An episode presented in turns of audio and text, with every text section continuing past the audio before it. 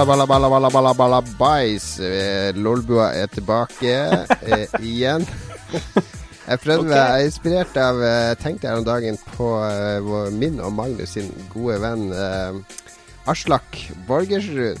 For han brukte alltid å åpne Han bruker sikkert fortsatt å åpne Spillmatic-sendingene, også når han var quizmaster sammen med Magnus på spillquizen, med sånne lange, eksplosive tirader av eh, ord og lyder. Uh, litt sånn gangster. Ja, det, det var Jeg tenkte jeg skulle prøve meg på den. Jeg kledde ikke den stilen, gjorde jeg det? Jeg tror de hadde sin første sending etter sommeren nå denne uka, eller et eller annet. Jeg fikk nå det lasta ned på podkastprogrammet. Så de er back. Spillmatic is back. Back in black. Det er flott. Vi prøvde jo å lage en beef med de, men det, det funka ikke helt. Det er vanskelig å beefe med folk man egentlig er glad i. Ja, det er, ja, er det ikke vel, Jon? Nei, altså, det er lett å beefe med deg, Magnus. Vi er glad og glad. ja, jeg vet det. Jeg vet det. Jeg, jeg, jeg var ironisk. Ja. Nei, vi trenger ikke noe beef. Lolboa er likt av alle, har jeg inntrykk av. Vi, får, eh, de bare, vi blir sikkert baktalt i huet og ræva, men, eh, men eh, eh, til våre ansikt så får vi mange hyggelige tilbakemeldinger, og det er jo veldig gøy. Og en av de som har gitt oss aller hyggeligste tilbakemeldinger helt fra starten av, som har vært med fra første sending, som har sendt inn spørsmål til oss i hver eneste sending, det er vår trofaste lytter at Konfusus90 eller Jan Christian Heigel. Velkommen til sendinga. Hedersgjest. Takk, takk.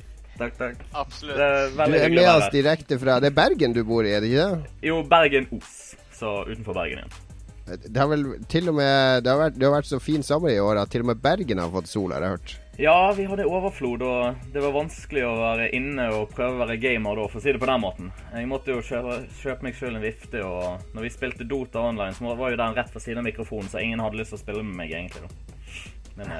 Jeg har jo Jeg, jeg bodde på Askøy utenfor Bergen, og jeg husker jeg den ene sommeren der, og Det er ikke mange år jeg bodde der, men den ene sommeren der så regna det faktisk hver dag. Altså hver dag jeg gikk ut, så var det regn. ja. Det var, det var fra juni til uh, august. Jeg lurer på om rekorden på regn sammenhengende er litt over 160 eller 70 eller 180 dager. Ja, det tror Ja, det skulle ikke forundre meg. Men hva er det du driver med i, eh, i Bergen der, bortsett fra å tweete til Lolbua hver uke og høre på Lolbua? Nei, jeg eh, jobber som IT-mann på en skole, rett og slett. Og eh, utenom det, det er jo bare sånn hobbyprosjekt der jeg jobber som IT-mann, egentlig. Nei. Eh, men det jeg egentlig liker helst å gjøre, det er å hjelpe indie-utviklerne her i Bergen så godt jeg kan. Ja, for de har du tett kontakt med. Ja, så, så, så tett som jeg tror jeg har fått til til nå. Så jeg er blitt veldig gode venner med de på Henchman and Goon. Uh -huh. de utvikler et Vita-spill som heter Flem, som er utrolig gøy. Var- Ble ikke det nettopp greenlighta òg, det spillet? Det, det er kommet ut på Greenlight. Jeg vet ikke om det ble Greenlightet. Hvis det ikke er blitt det, så vennligst gå og vote. Søk på Flem. Eh, Flem. Flem. Det er, du spiller et snørr. Riktig. Og, Skrives det flegm, da? nei, det skrives F-L-E-M. Rett og slett. Rett fram. Uh, utenom det så jobber jeg også med Deephead Studios på Savant og uh, Owlboy, som sikkert eh, de fleste kjenner de mest til til. Ja, for du har spilt Oh, eh, en del Owlboy. Mer enn de fleste i andre i verden, for å si det på den Det, måten. men hvis du, eh, hvis du snakker for mye om det, så ser jeg for meg at Joremi plutselig dukker opp bak deg med, Ja, med en, Altså- et eller annet. Han bor jo ute på Askøy, så det, du vet det tar litt lang tid å reise. da. Så. Ja, men da rekker vi jo en time, Ja, ja. en time Oldboy-prat før han kommer til deg. kanskje, kanskje Men ikke. siden vi, siden vi har det her, når kommer det jævla spillet ut, da? Det har vært i sånn ti år nå i uh, produksjon. Uh, det, det kommer. Jeg har ikke lov å si når. God damn it! Kommer oppfølgeren før sendingen? Eh, vi, vi satt og tenkte på det, men vi fant ut det ble litt for dumt, så da Nei da. Det kommer ut like etter The Last Guardian. Jeg har hørt det spillet. Jeg hørte rykter om at det tar så lang tid, for de skal lage en masse sånne DLC klart først, som man kan kjøpe med mikrotransaksjoner. Kan du avkrefte eller bekrefte det? Jeg kan avkrefte det. Det OK, ok, da kan vi puste letta ut. For jeg har forhåndsbestilt Day Zero Edition. Ja, hvor mange editions blir det? Hvilken må man kjøpe for å få Oldboy-statue? Eller et Oldboy-skjerf? Altså, Hvilken butikk må vi forhåndsbestille i? Ja, hva, altså, hva blir forskjellen på game- og er GameSpot-versjonen? Hvis du skal ha Owlboy-sjef, så må du vel gå til Etsy og få noen som, se om det er noen som lager det for hånd. For det er, ing- det er vel ofte det er vel bare digitalt eh, planlagt nå. Så digitale sjef det kan dessverre ikke bli levert i posten. All right, all right. Men vi har også hørt rykter om at du driver med boksing. Ja, det driver jeg jo med. Jeg, eh, Hvordan, er det en sånn der bølge i Bergen og sånn i kjølvannet av eh, Brekkhus-prestasjonene at alle skal bokse, eller? Nei, altså, det vet jeg ikke. Jeg har bare tenkt på det lenge, og så har jeg bare flyttet. Så jeg har ikke liksom fått begynt før nå i mai, som var. Og når jeg hadde tenkt å begynne i januar, så var jeg syk, så da, da måtte jeg bare forskyve det enda mer. For jeg kunne ikke bare begynne midt i et semester eh, for de, så da eh, var det oppstart igjen i mai, og da eh, bare fant jeg ut denne gangen skal jeg prøve, og da, da ble det ble noe ut av, og jeg koser meg. Det er gøy. Men er det, for, det er mest for, for treninga sin skyld, eller er det, Ja, det- det er er, er, du stor de fan der, av boksing eller UFC og sånn? Altså, Jeg er veldig fan av UFC og sånne ting som det der, men jeg tror det, det er også litt det der å få ut aggresjoner fra alle de der PlayStation-hater eh, fanboysen som hele tiden skal hakke på Xbox-folkene og sånn. For Nei da. nei, det er nok Du eh, beefer deg opp til konsollkrigen. Ja, ja. Ladegrep her på, uh, Nei da. Jeg, eh, jeg er fan av alt, jeg, generelt sett. Det bare Det kan vi like. Nei, men eh, velkommen skal du være, Jan Kristian. Eh, veldig hyggelig at du ville være med oss i vår Idet vi runder det runde tallet 39 i, episodetellinga. Eh, du, neste jo, episode blir jo, skal jo bli en milepæl, for vi skal jo ha lansert vår nye nettside innen da. Ja. Eh, så det blir spennende. Ja, men det ser vi fram til. Men du som eh, prater mest her, hva heter du og alle de som hører på denne sendinga for første gang? De vet at vi har med oss Jan Christian Heigel. Har vi, vet, vi, vet de hvem de andre som prater her er? Ja, jeg heter jo Jon Cato og er eh, på en måte host eh, i denne sendingen. I hvert fall jeg som starter Google Hangoutsen. Altså det er jeg som kjefter på alle når de ikke følger sendeskjema. Eh, og oppe i Harstad så sitter Lars. Say what? Jeg ser, at, jeg ser bak deg, for vi har, vi, det her tas opp over Google uh, Hangouts. Jeg ser bak Lars nå, så har funnet fram WeFit-brettet sitt. Er det fordi at du ble intimidert da du hørte at Jan Christian var bokser, og tenkte at du måtte komme deg litt i form før sendinga? Stemmer det. Funnet frem. Jeg har spilt mye Wii Sports og boksing og hoppa tau og sånne ting. Klart det. Slått på kjøttstykker. Jeg kjøpte en entrecôte her i går og hengte den opp i taket og bare drepte den ordentlig. Og sistemann, som er fast eh, innslag på Lolbua, han sitter rett ned for meg i skråninga. I skyggen av eh, min eh, villa her oppe på Lambertseter, så befinner Magnus seg nede ved gamlebyen. Eh, og du har, du har vært i Oslo hele uka, Magnus. Jeg har vært i Oslo i ei hel uke. For da kan vi jo gli naturlig over i eh, del to av vår sending, som da er ting vi har gjort i det siste. Oi, det var ikke det. Den var fin, Jon. Ja, den var fin. Hvis jeg ikke hadde nevnt det, så hadde den vært fin. Men det, det jeg, jeg blir så fornøyd når, når ting flyter bra, at jeg er nødt til å nevne at nå flyter det bra. Og da ødelegger jeg flyten. Det er min store akilleshæl. Det er det som gjør at jeg aldri kommer meg opp og frem i eh, broadcasting-verden. Men nok om meg. Hvordan har det gått i Oslo det siste? Du hadde én lekse forrige gang, eh, Magnus fikk du. Det var å på, komme deg på kino og se Guardians of the Galaxy. Hvordan gikk det? Det har jeg gjort. Jeg har vært uh, på kino i går kveld. Siste liten. I siste li- skippertak som vanlig. Ja, ja. Alltid skippertak. Uh, nei, det var faktisk eh, det, uh, Samme kveld så bestemte jeg meg at dette skal jeg pokker meg gjøre. Så det gjorde jeg. Eh, men det var litt vanskelig å organisere folk, uh, syns jeg. Til slutt så klarte vi det. Omsider siste kveld. Og eh, eh, for en film, dere.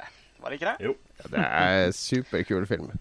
Ja. Jeg uh, er veldig enig i Star Wars-sammenligninga di, Jon. Det slo meg umiddelbart. Den har den magien, den der at her er alt lov, her finner vi opp reglene sjøl. Ja. Det er liksom sånn nye, uh, nye skapninger som dukker opp rundt Eller i annenhver, eh, annethvert minutt så ser du en ny type livsform uten at du liksom bruker for mye tid på det, eller at de gidder å forklare det for mye. Mm. Og tar seg ikke, takker seg sjøl noe seriøst i det hele tatt. Og en dritkul story, kjempebra stemmeskuespill, og eh, til, til og med av Vin Diesel ja. I am Groot. leverte I am Groot. Jeg syns han sa det ganske bra. Uh, men uh, veldig sjarmerende, uh, må jeg si. Eh, Ja. Veldig. Jeg tror også musikken er veldig viktig, for det var jo Ja. Det var jo tydeligvis en sånn flørt med oss eldre i publikum at de skulle spille en masse musikk som, som vi kanskje husker fra, fra vår barndom, men det passa jo så fantastisk godt inn. Det, det, fordi det, det, det, det er jo egentlig en kollisjon mellom det her sci-fi-universet og den popmusikken fra 70-tallet, men, men det er stuss Jeg syns aldri det, det var feil, på en måte. Men uh, når er tegneserien fra, vet du det? Den er fra 80-tallet. Riktig. Så det er vel der den Walkman og musikk, eh, eller soundtracket, kommer fra, da. Mm. Men det eneste jeg syns var rart, er at han eh, han drev med de Footloose-referansene. Han var, hvor gammel Ja. var han? Seks-syv år da han ble abdukta. Så han så altså Ja. Footloose som seksåring. Og jeg så. Footloose på kino som tiåring, og det var den kjedeligste filmen jeg noen Som en tiåring å se en film om en fyr som skal danse og få byen til å danse, det var noe av det verste dritet jeg hadde sett på kino. Så at han som seksåring ble imponert av Footloose, det, det ødela hele filmen for min del. Men han Starlord han elsker jo å danse. Han hadde jo til og med OK, nå bare til de som lytter, nå blir det spoilers. Nå har det gått så lang tid at nå må det være lov å spoile. ikke sant? Ja, spoiler. her- Ja, ja. Ja. Det er fordi- derfor jeg har gjort leksa mi, da, så vi kan spoile Ja. filmen. Ja. Og um, så hopp eh, fire minutter frem hvis dere ikke vil høre. Men han er jo en danseelskende dude. da. Han eh, inviterer jo til og med han der eh, ondingen på slutten til en dance-off. Og det er jo noe av det morsomste ja, det er noe av det kuleste jeg har sett ever eh, på kino. Men selvfølgelig frister den Nei, den liksom driver og flørter med oss litt oppi årene. Fordi starten er vel kanskje en omasj til eh, Indiana Jones litt. Han skal inn og hente en sånn artifact, Mhm. ikke sant? Og så Klart. skurkene er der når han har fått det til. Og så på slutten så er det veldig sånn Star Wars når du ser hun der blå onde kjører sånn lyn inni jo eh, grønne babyen, og så ser du liksom hodeskallen gjennom det. Og så til slutt detter til og med hun der dama ned og mister handa si eh, fra skipet og det blå. Og veldig mye, og da hadde hun nettopp Og da fikk hun lov å skru av den der eh, kraftfeltet, så det var veldig mye sånn Star Wars-greier i hele, hele Du, greia etter hvert. du har sett den du òg, Jan Christian? Selvfølgelig så han dag to. Jeg eh, tok med meg vennene mine, så jeg tvingte til å se han, og de var litt usikre, men eh, de ble veldig overbevist etterpå. Så. Ja, Jeg, jeg, tror det, eh, jeg tror det er en film som treffer også folk som ikke er sci-fi-nerder, fordi den har så mye Ja. glimt i øynene. Hovedpersonen, han, eh, han eh, Chris Pratt. er Jostein uh, sammenligner han med Harrison Ford på, på toppen når han var Han Solo og, og Indiana Jones. Han har det der glimtet i øyet som, som gjør at du bare vil eh, ha deg en bromance med han umiddelbart. Men han har mye mer sånn Kanskje litt mer sånn Jack Black, eh, hvis du ser bort ifra det mest sånn ekstreme Jack Black. I hvert fall fra Parks and Recreation, Ja. hvor han er fast character. da. Ja, det stemmer. det. Det, er det, har jeg sett han før.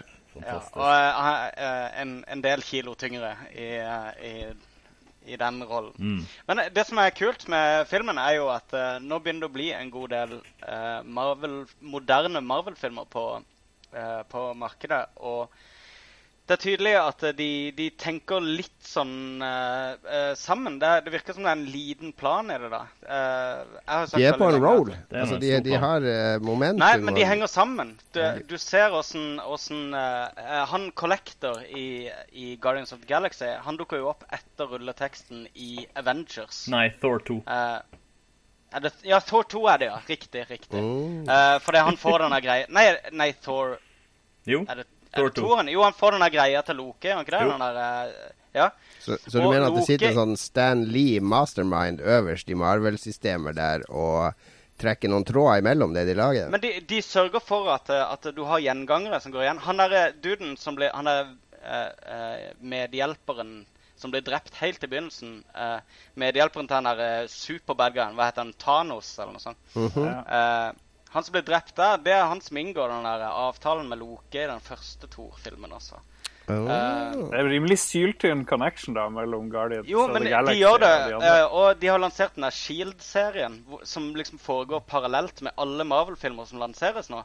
Så, så virker de filmene inn på handlinga i Shield. da. Ja, men Shield var, var, det så jeg litt i starten. Det var dødskjedelig. Ja, det det- fikk det- så mye Ja, kritikk eh, i mange mange episoder. Helt til de begynte å linke til filmene. Mm. Da begynte det å ta seg litt opp. Ja, men da fikk det liksom en purpose, da. Et, en, en mening. Eh, men jeg så dere Var det så geeky at jeg så eh, rulleteksten ferdig? Selvfølgelig. Ja, Ja, klart. Det, det er alltid en sånn på slutten av Marvel-filmer. Og hvem dukka opp der? Howard the Duck, Yes. var det ikke det? Jo. Ja, det var han. Eh, Nok en 80-tallsreferanse, vet du. Men Ja. How, Ja, men eh, eh, de har jo veldig ofte Har de ikke det uh, pitcha uh, liksom neste character som skal filmatiseres gjennom siste Vi trenger sånn ikke noen ny. Howard the Duck-film. Altså, Men Gud dette har vel bare vært for moro skyld. Trenger vi ikke strengt tatt en ny Howard the Duck-film? Nei, jeg syns du Howard the Duck var bra? Jeg syns jo Howard the Duck var bra, men det var jo fordi jeg har sett filmen én gang da jeg var ti år eller et eller Ja, annet. riktig. Jeg synes Her, den var her bra nå er det lekse sånn til neste, til neste sending, så skal vi alle se Howard the Duck. Greit. Episode Spørs om vi 40, Howard the Duck spesial. Skal vi ødelegge den filmen og se den på nytt, liksom? Det er sånne her, eh, solbriller og skateboard og saksofonsolo og det er liksom alt, eh, Ok, alt OK, dropp det. Vi dropper det. Vi dropper det. vi dropper det. Men du har også, eh, for å bli ferdig med det, Magnus, du har også begynt på skolen. Nå kan du ikke, har du ikke noe slaraffenliv lenger. Nei, nå, det, det er så til de grader over nå, slaraffenlivet mitt, eh, som har vart i to uker. Eh, men eh, nå er jeg i gang. Eh, nå fikk jeg jo akkurat i dag også litt ekstra sidejobber, som vi ikke trenger å gå inn på, men som er masse ekstra timer. Og i tillegg så begynte jeg på skolen og jobber nå med å fylle opp timeplanen min så spekka som mulig med forelesninger. Så, Så spennende. Jan Kristian, vi går rett over til deg. Eh, du, har, eh, du er gjest, og du har eh, Du kan jo fortelle Du trenger ikke fortelle bare hva du har gjort de siste dagene. Hvis du vil dra frem noe som du har gjort i det siste, som du Ja. syns Lolbua-lytterne kommer til å bli imponert over, eller interessert i. Altså, Jeg er jo interessert interessert i det spillbar, da. Har vi nevnt det? Du lager jo Let's Play. Ja, det er noe prosjekt som du holder på med, spillbar.no. Nei, det er ikke noen noe.no der, men det det er på YouTube. Ja, det er spillbar på YouTube. ja, jeg, eh, det, det er jo langt tilbake når jeg var student i Gjøvik. eh, meg og noen venner gikk sammen for å lage en podkast, og det syns jeg var veldig gøy. Og jeg, vi prøvde ikke å gjøre så mye ut av det, men eh, vi greide å gjøre litt mer ut av det med å stikke på The Gathering som presse og få gratis brus. Det er positivt med å være presse, har jeg funnet ut. Eh, Oh yeah. og så stikk, stakk vi på Spillekspo og var litt der og snakket med indie-utviklerne der. Det var utrolig gøy. Og, og nå når jeg flyttet vekk fra Gjøvik, så falt hele det sammen, eh, rett og slett. Så jeg eh, fant ut jeg prøver å starte det opp alene. Eller noe. Siden alle de andre er opptatt med skole, og nå er de sikkert ute i jobb, vil jeg tro. Så. Er, det, det er jo et, et spillmiljø i Bergen, er det ikke det? Er det ikke, Jo, det er det. Du har ikke fått med deg folk eh, av og til eh, som gjester? Og, for Ja. vi sitter jo hver for oss. Mm. Vi er jo så late at vi gidder Jeg gidder jo ikke Ja. å møte Magnus eller han på flyvende på døra her Riktig, oppe for at vi skal spille inn podkast. Så vi eh, Nei, altså, jeg har sittet og tenkt på det, men jeg, eh, jeg er litt usikker på hvor mye mer som skal til for å få folk med. Altså, det, jeg kjenner masse folk, men eh, de er de opptatte folkene som lager spill. Så jeg vet ikke om de har tid. Det, det, det er litt det. Jeg skjønner, jeg skjønner. Men vi anbefaler i hvert fall alle å sjekke ut Spillbar på YouTube. Det er Jan Christian sin eh, kanal, og den er veldig on med det vi tror på her i Lolbua. Alt som har ordet 'bar' i seg, da, da kommer vi. Da stiller vi opp. Det var det som hele opplegget. Skål. Men Skål. du har, du har skrevet noe annet morsomt her òg, eh, Jan Mm. Christian. At du bygger et DND-bord. Altså, er- Yes. er det Dungeons and er, Dragons-bord? det, da er det et Dungeons and Dragons-bord, ja. For det Nå er jeg intrigued. ja, Fortell vi, mer. eh, meg, Jeg eh, spiller veldig mye Dungeons and Dragons, så å si hver onsdag. Nå i den døren. Og eh, vi, etter vi hadde, vi hadde nettopp vært ferdig med session, og så hadde jeg reist hjem. Så sitter jeg på nettet og kommer inn på nettsida, og det var masse sånne haugevis med sånne kule eh, tabletop-bord og sånt, og perfekte Dungeons and Dragons. Og så linket jeg den til gruppen min, og så diskuterte vi litt, og så kom vi fram til at det der er jo fullt mulig å bygge sjøl. Så Mhm. vi har tatt tak i å begynne å bygge et sånt bord, eh, og vi kom kommet ganske bra i gang. Jeg tror vi er vel 70 ferdig med det. Vi begynte på søndag. og Yes. da har vi tatt et annet bord eh, som basis, da. Og så har jeg en venn som er kunstner, som skal piffe det litt opp for oss i tillegg, så Hva, hva slags type bord er det? Er det bare snakk om dekorativt? Eller er Ja, det noe nei, sånn altså, det- praktisk med terningkasting, eller lage kart, eller Planen vår er vel at vi har ett et lokk på en måte på toppen, så vi kan ta av der vi kan lagre alt. Mhm. Og så skal vi ha filt på det i tillegg. sånn at Hvis da vi er midt i en battle og vi plutselig må gå, så, har vi det, så kan vi bare ta lokket opp, og så er det klart eh, til neste gang uten at vi trenger å huske hvordan det var. Ja, det er jo briljant. Tar, jeg spiller jo Dungeons and Dragons annenhver uke, Mm. og det tar en halvtime bare å finne fram Ja, initiativer og terninger og battlemats og alt mulig. Det er akkurat det vi òg fant ut. Så da fant vi ut det var en lurest det. Og så har vi sånne, et bord her oppe så vi kan flippe ut sånn. uh, så det blir sånn, på en måte. Og så bor her, sånn at vi kan ha plass til arkene våre. Ja, ja, ja. ja. Og eh, drikke eventuelt og slike ting. Og så har vi noen hjørner som eh, er bokser, så vi kan ta diverse terninger eller eh, diverse ting oppi der. da. Så eh, Lars, blir du inspirert av det her? Du trenger jo et Shadowrun-bord hjemme. Du, du har eget hus. Du kan jo bare geek-innrede det så mye du vil. ja. Ja. Jo da, det Nei, men eh, Jan Christian, du er jo just like Kevin Bacon. Det er, det er helt vilt. Bra, Vi prøver. Vi prøver. Men eh, det og det, hva, hva slags edition er det dere spiller? Det fjerde, eller? Uh, ja, jeg tror det er fjerde. Eh, jeg tror vi blander litt, grann, men jeg tror ikke vi blander så mye. Men jeg tror vi hovedsakelig holder oss til fjerde edition, sånn sett. Men hva, te- hva tenker du om femte? For den kom jo nå. Starterpakken kom Å, ja. med, Nei, jeg har ikke fått med meg dit, det. Og så Vi- kommer Players nå straks. Er det noe du skal gå over til, eller? Uh, vi holder oss eh, for, for tid nå, for vi har sånn custom made story og sånn som det er der. Og, så da må kanskje eventuelt han uh, GM-en vår begynne å mikse og matche her og der og slike ting. Så jeg er litt usikker hvor eh, stor forandring det blir på characteren òg, så da Ja, det er, det er, en, det er en del forandringer, ja. faktisk. Nei, det, vi, vi har nettopp drept to av gruppen, så da blir det litt dumt å plutselig begynne å endre på de etter de har nettopp laget nye. Altså. Jeg skjønner, jeg skjønner. jeg skjønner Nei, men uh, veldig spennende. Nå Nå kommer jeg til å søke på det og det-bord uh, på Ja. nettet og så sende noen linker til uh, Espen, som vi bruker å spille Ja. Spille men Det er bra. Jeg vet ikke om dere så eh, Jeg sendte i LOL-chatten vår så sendte jeg en link til et sånn spillbord som nettopp ble eh, lagt ut på nett. Mhm. til, som kosta sånn der eh, 100 000 pluss. Som var custom made for alle typer brettspill og kortspill og rollespill og alt. Så det er, det er en business, det der. Ja. Absolutt. Det er uh, mye, mye geeks som har mye penger å bruke, så uh, det tror jeg nok er en business. Det er geeks som regjerer Eh. verden. Ja, det det og hvis man er hendig, sånn som uh, Jan Christian og gjengen, så trenger man ikke engang å bruke penger. Nope. Vi har det Siden bra. sist så har jeg eh, prøvd et nytt, uh, veldig artig brettspill som heter Sherlock Holmes uh, Consulting Detective. Det er et brettspill fra 1981. Og det er, det, er, det, er ikke, det er litt unikt, fordi at det er sånn historie Man skal løse mordgåter, rett og slett. Cluedo. Mm. Nei, nei, nei. Du er en, du er en gruppe, da. Og så får man eh, Man er i 1888 i, eh, i London hos Sherlock Holmes, og så får man presentert en sak, da. Eh, man må lese en sånn lang tekst fra en bok, og så må, må en sitte og skrive ned notater og navn. Og lage en sånn timeline med hva som har skjedd. Og så har man et kart over London, og der er det kanskje 300 hus man kan besøke. 300 adresser. Og man har en diger adressebok, og man kan bla i, og man kan finne La oss si at på åstedet så lå det en, et mystisk eh, gammel pengeseddel eller noe sånt ble funnet på, på liket. Da kan man dra til en bank og få den undersøkt, f.eks. Uh, Hallo, er dette DNB? Jeg vil gjerne sjekke denne hundrelappen femte. Nei, men man kan liksom dra til Hvis det er en amerikaner involvert, kan man dra til en amerikansk ambassade. Man kan dra hjem til folk. Man kan, eh, man kan reise hvor man vil i London og, og følge de sporene man vil.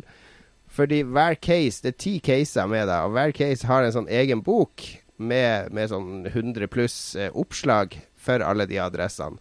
Så uansett hvor du drar, så skjer det et eller annet. Du kan dra på fulle blindspor og rote deg bort i saken, eller du kan dedusere deg fram til hva som må være løsninga. Og du må liksom legge et sånt puslespill i hodet ditt. eh, lage en timeline, finne ut hva som skjedde, motiver og alt mulig.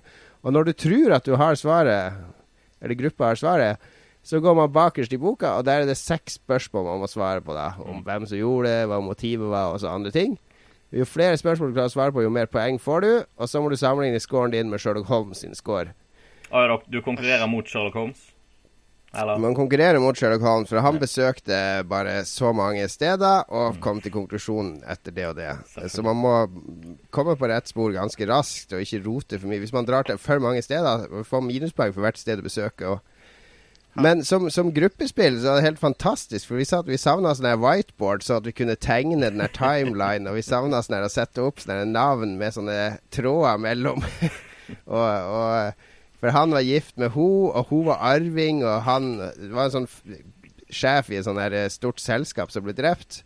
Og han som tok over selskapet, det var ikke han nestkommanderende, men en under der. Så det var mange som hadde motiver, ikke sant. Så vi måtte begynne å virkelig gå igjennom. Og det er veldig godt skrevet òg, da. Utrolig fine tekster og godt beskrevet. Sånn at, altså utviklet eller utgitt? Det Det er et veldig flott spill å spille med folk som Det kan nesten ikke kalles brettspill, for det er ikke noe terninger eller flytte rundt på et brett. sånn. Det er bare tekst og sitte og skrive notater og et sånt kart man ser på den lille boka man blar i. Så det er nesten som et rollespill òg, egentlig? Det er nesten som et rollespill, men det er ingen som er GM heller. Fordi Nei. alle vi var med å løse saken, fordi ingen visste jo hva saken gikk ut på. Uh, jeg satt og leste i denne boka og slo opp hver gang vi dro til et sted og leste etter beskrivelsen av det som skjedde, men, men, jeg visste jo heller ikke hvem som var morderen, så vi var alle med å løse saken. Kult. Det høres jo helt fantastisk gøy ut. Ja, det er også et spill det, Jeg så opprinnelig anmeldelse av det på Shut Up and Sit Down, som er min favorittnettsted uh, for anmeldelse av brettspill. Og det, han Sier også at det er et perfekt spill å spille sammen med kjæresten eller kona. Det er et spill der du kan Det tar en to-tre timer, kanskje, en sak. Og man kan sitte i stua om kvelden og drikke vin og, og løse en sak sammen, i stedet for å se på en sånn dårlig krim på TV2. Så kan man løse sin egen krim og være sin egen detektiv. Han Elf Hybrid på, som følger oss nå på YouTube Ho Elf Hybrid, tror jeg. Ho, unnskyld, hybrid. Det kan jo være begge deler. Eh, er det mulig å få tak i det Sherlock Holmes-spillet, spør han. Ja, de har det faktisk på lager på eh, spillsjefen.no. Det var der jeg bestilte. Jeg tror de har flere på lager. For det kom, eh, kom en nytrykk av det nå. Det ble opprinnelig utgitt i 81, men det blir trykt opp på nytt nå. Så anbefales veldig varmt. Så, så det spillet har virkelig holdt seg da i de årene? Ja, det har det. Det rare er jo at det har vært det, har vært det spillet og jeg, et par til som kom på 80-tallet som var sånn historiebasert. Et som heter Tales of the Arabian Nights òg, som er veldig mye tekst og historie og sånn narrativt spill. Men så har, den sjangeren helt daua innen brettspill. Det er nesten ingen brettspill som prøver seg på sånt.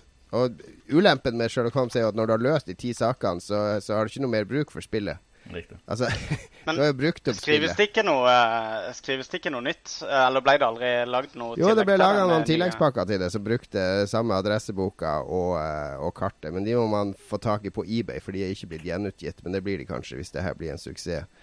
Men, men, men det, liksom, det, er ingen som har bygd videre på ideen.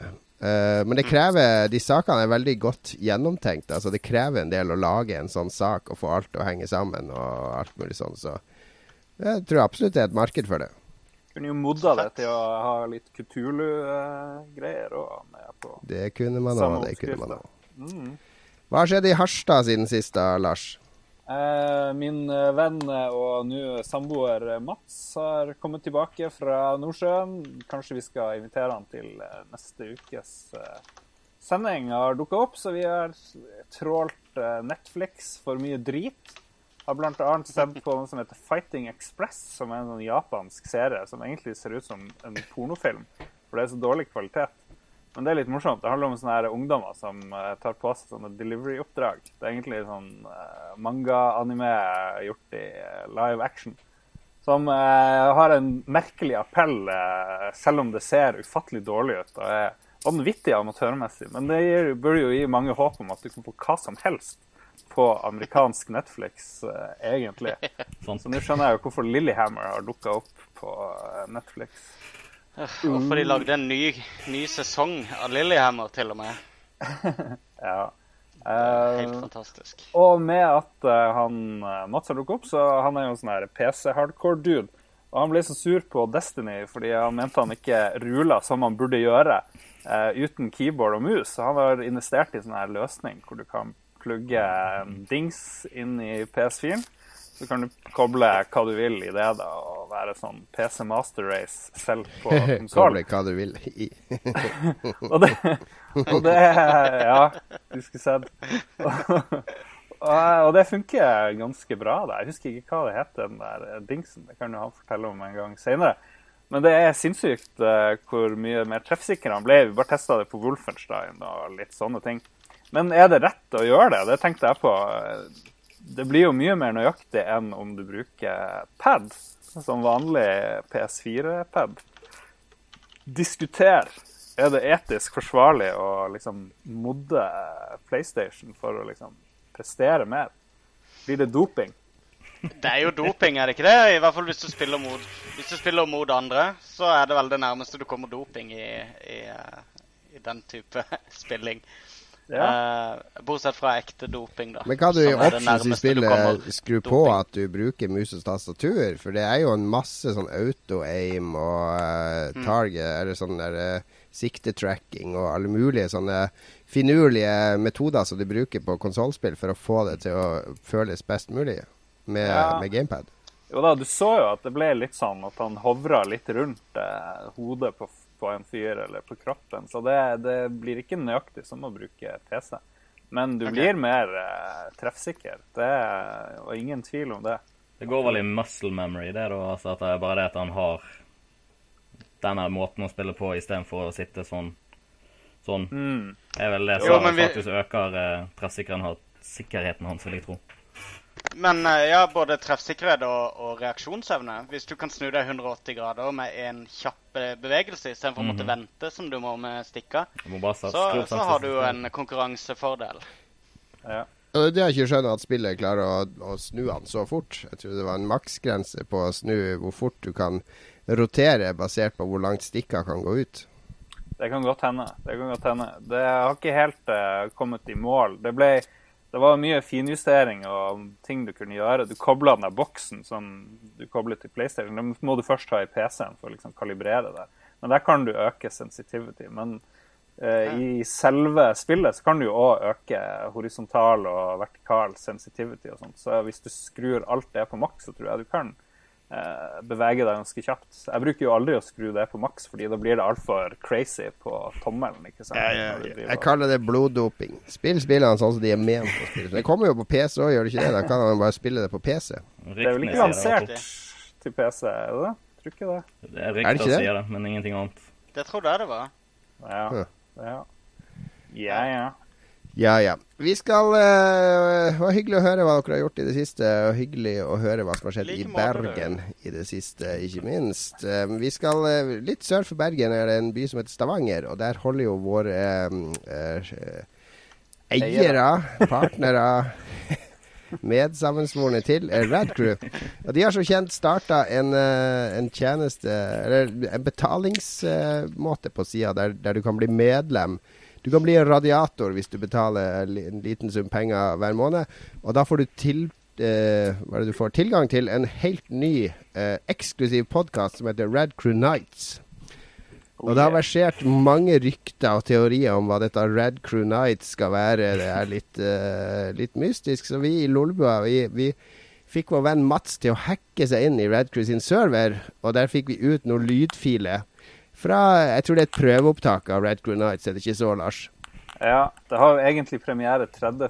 august, så vi må vente til da for å finne ut hvordan det egentlig er. Men uh, ja, det kan bli interessant hvis de her filene vi har er Ja, Hvis dette prøveopptaket er en indikasjon på hvordan Red Crew Nights blir, så tror jeg det her er vel verdt å betale for. Vi kan jo ta og, og lytte på, på det vi klarte å få ut av serveren. Her kommer altså en preview, eksklusiv preview på Red Crew Nights. Red, Hei og velkommen til Rad Crew Nights. Eh, Med meg har jeg Jack. Jeg er Alexander. Og eh, sammen skal vi lose deg gjennom denne Rad Crew-natta, hvor vi skal diskutere alt vi ikke får tid til i de andre podkastene. Vi skal smake litt på vin, kanskje, røyke en sigar og snakke om verdensproblemene. Det er helt riktig. Vi sitter her i Statoil-baren. Luksuriøse, flotte omgivelser betalt for av oljepengene her i Stavanger. Vi skal ta oss et glass vin, og vi skal la den gode praten dominere. Red, Velkommen til Red Crew Nights. Ja, her skåler vi i glasset, for vi sitter på baren her og drikker. Velkommen, Jack. Takk, Alexander. Det er jo genistrek å være på Statoil-banen her på Ja, og vi har fått så, så mye penger fra, fra alle våre fans, så vi kan drikke så mye vi vil. Skål da, Jack.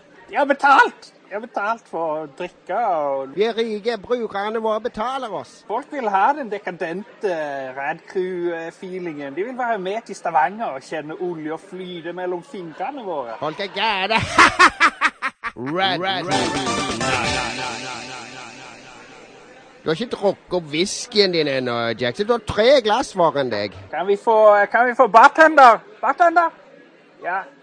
Vi vil ha litt Jack og Coke.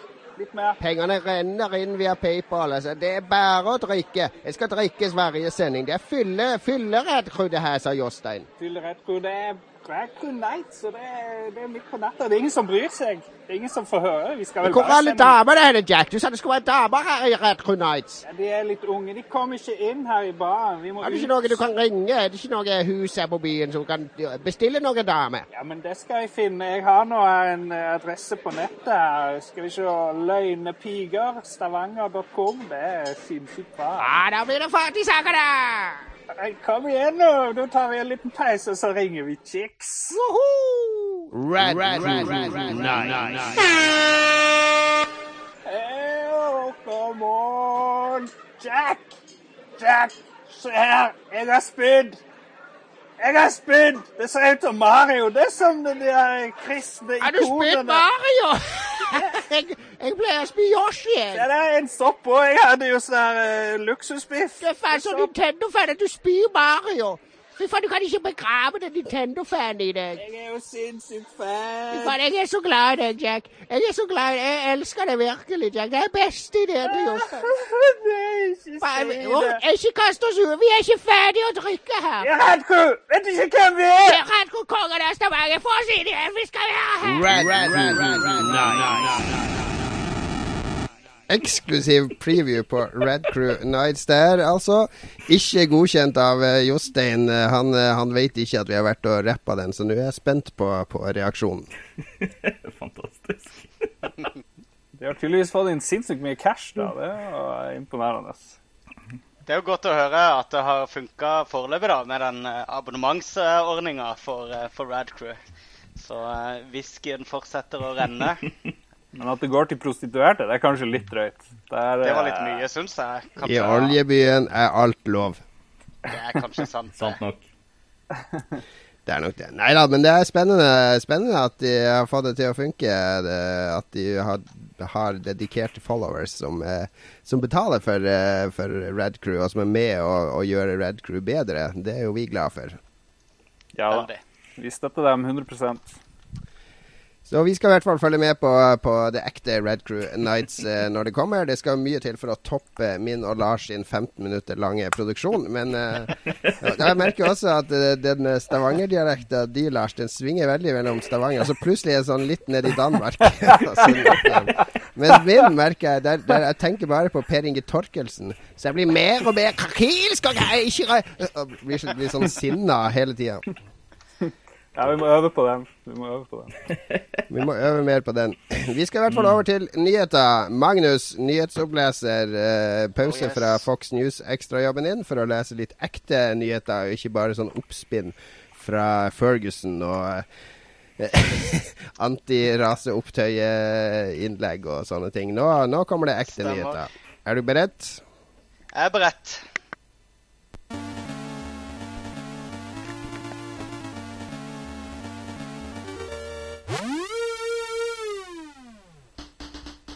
Phil Fish er tilbake. Etter en lang Twitter-pause har festskaper Phil Fish vendt tilbake til sosiale medier med en tilsynelatende uendelig strøm av meldinger. Det meste handler om politibrutalitet i USA, men også noen spillrelaterte meldinger har kommet fra den kontroversielle spillskaperen. I'll make Fess if I get Fess 2 if I get verified. How about that? ble til slutt fulgt opp med Seriously. Shut the fuck up about Fess 2. Never going to happen. You don't deserve it. Det er bitre greier. Det er Mannen, ettårs, altså. ettårsjubileum for, eh, for når han forsvant i fjor, da.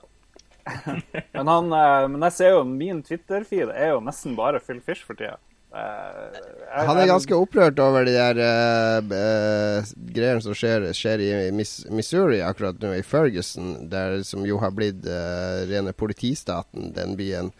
Og der politiet bruker Etter Altså, amerikanske forsvaret har jo solgt og overført uh, utstyr for milliarder av dollar til lokale politi når krigen mot terror begynte. Så de har jo alt mulig av kamoutstyr og våpen og biler. Det var, ja, det, det var først under denne War on Drugs Uh, for uh, en god ja, ja, ja. siden så fikk de noe sånn 30 milliarder dollar i militærutstyr til den byen. da. Det er helt absurd. Og de er i Ferguson i politiet der, de har bare tatt på seg alt de har og kjørt ut og, og, og spruta tåregass nedover alle gater. Det er ganske vilt, det som skjer der borte, egentlig. Ja, det tar faktisk helt av. De driver og hjuler og presser, og de, de Ja, det tar veldig av der nå.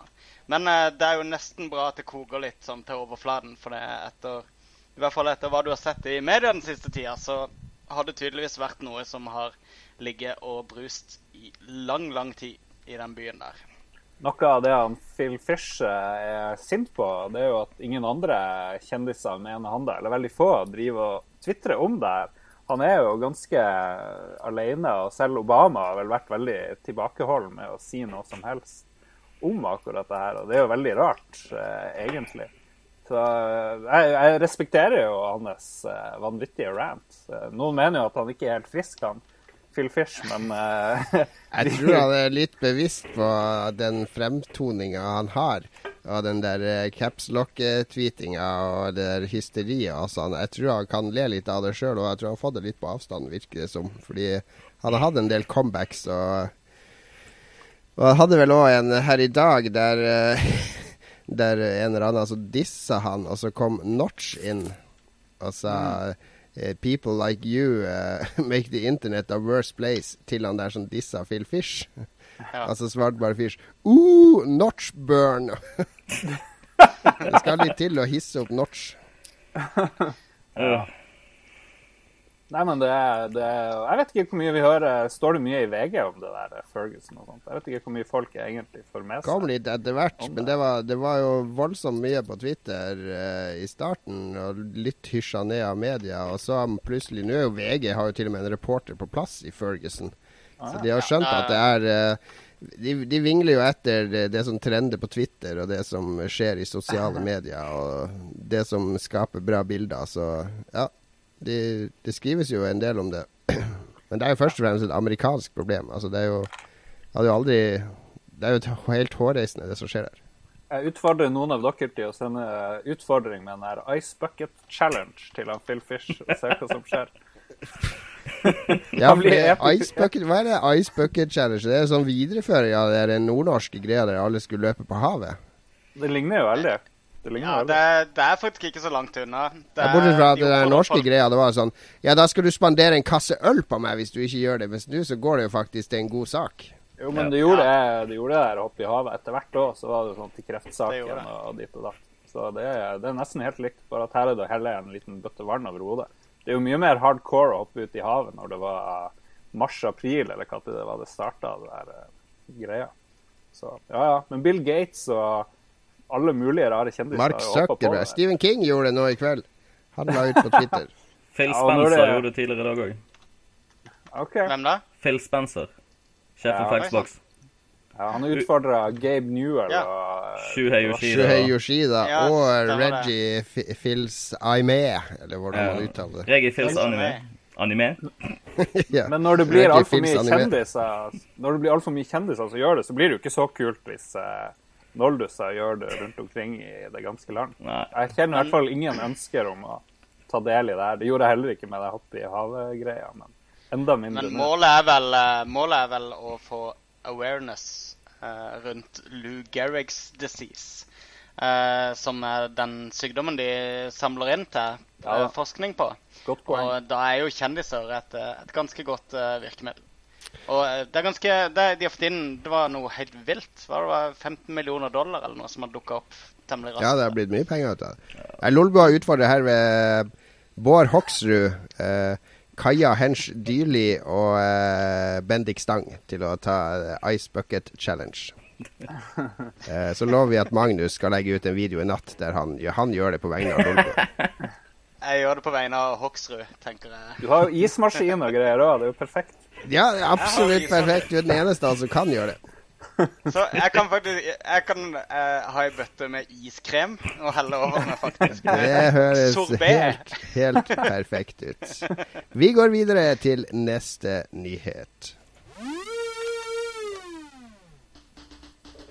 Ekskjærestedrama bringer frem det verste i gamere. Når ekskjæresten til indie-spillutvikler Zoe Quinn publiserte en borderline psykotisk blogg på et par hundre sider med SMS-utvekslinger og private chatmeldinger, hvor han hang ut eksen som en tøs og påstod at hun var utro med han, og lå med spilljournalister for å få de til å skrive om spillene hennes, utløste det en storm på nettet. Infantile gamere har rast mot Quinn med noe av det verste oppgulp og personlig harselering nettet har opplevd på mange år. Null verdighet, null poeng, null relevans. Alle har tapt. Det er dagens, månedens uh, antagelig store spilldrama på nettet. Moralbua, er vi det? Er det det vi er plutselig? Ja, men det, det, Phil Fish var jo også sterkt involvert her. Han er jo selvfølgelig på Zoe Quinn sin side, og det skjønner jeg jo godt. Det er Uh, her er, Nå er, det- nå er det kjønnspolitikk og dobbeltmoral og sånn som, som Altså, hun har hun har eh, påståelig nok har hun ligget med en og annen mann her og der. Og han ene skriver i Kotaku, og da, da er det liksom uh, furore på nettet mot at hun driver og horer seg vekk for spillet sitt. Men hun er jo kvinne og har ikke lov å ligge med folk. Det er jo nettopp det. For jeg tenkte, hva om, ja. om uh, indie-utvikler uh, Cliff Blesinski At det kom fram at han hadde ligget med Cara Ellison, som skriver Rock Paper Shotgun. Hvem hadde da fått hetsen mot seg? Var det Cliff, da? Nei, da hadde det jo vært Cara som var dum nok til å bli utnytta av eh, mannen Cliff, ikke sant? Altså, Ja, hetsen rettes jo mot, mot dama uansett. Mm. Det er så sant. Og det er jo uh, veldig, veldig typisk for internett, er det ikke det? Ja, det er jo det. Og det her er jo det som er erketypisk For- med denne saken, er at den har jo null relevans for noe som helst innen spillbransjen i det hele tatt. Det her er jo, den, den bloggen til der kjæresten, jeg har lest litt på den. Det er noe av det mest psykotiske, utleverende, bitre jeg har lest. Det er sånn utrolig detaljert sånn doktoravhandling om forholdet deres, der han bare fremstiller henne i sånn der eh, galemannslys hele tida. Det har ingenting med hun som spillutvikler eller noe som helst å gjøre, det forholdet der. Det, det, det er jo ikke en sak for spillbransjen. Det er jo ikke en sak som gamere skal henge seg opp i og kommentere. Men Det er jo mange som gjør det. eh. Det er mange som gjør det, og de har jo, jeg har sett sånne lange For det er jo ingen nyhetsside som skriver om det her, egentlig, så du må liksom uh, gjøre litt research sjøl og se på Twitter-meldinger og følge sånne obskure linker. Da er det jo mange som har sånn der en kilometer lang tekst nedover med utklipp fra Twitter og fra diverse forum og ditt og datt. Og det er jo veldig mange som ikke er på hennes lag, da, på et vis. Og jeg lurer på hva vet de som ikke vi vet? Eh, De vet Mange- jo ikke, de har lest bloggen til han kjæresten, og de mener Ja, at hun er dame, så hun skal ikke drive og ligge med fem mann i løpet av et år. Det, da, det er horeoppførsel, ikke sant? Ja, Er det det som liksom er greia? Da er det jo Jeg har liksom ikke helt skjønt det her, da. men hvis det er det som er tingen Nei, det, men det her er jo, ja. det er jo unge Ofte unge, teite, innadvendte idiotgutter som ser på jenter som en trussel. Og hun her blir jo en ekstra større trussel. Altså, du, du, du kjenner jo igjen typen, ikke sant? Det er jo det Phil Fish òg ranta om mot dem, hvordan de var en gjeng med inn med tilbakestående nerder og eh, ja, det, Alt det her bare beviste hvor mye han hata gamere, og hvorfor han aldri skulle lage mer spill. Hvorfor skulle han drive og gi spill til det bermen av menneskeheten, som han kalte det? Å ja, det, det, ja vel. OK. Han er jo sjøl en gamer, da. Det er jo litt uh... Det er jo litt selvmotsigende, akkurat det. Må ikke bruke ordet gamer. Hva er en gamer? Altså, hva, hva er en som er glad i film? Er han en filmer? Ja. En som leser mye bøker, er hadde en booker? Altså, hvorfor må vi ha et ord? Hvorfor må vi ha en, en sånn der eh, bås vi må putte oss sjøl i? Jeg er gamer. Altså, hva er det for noe?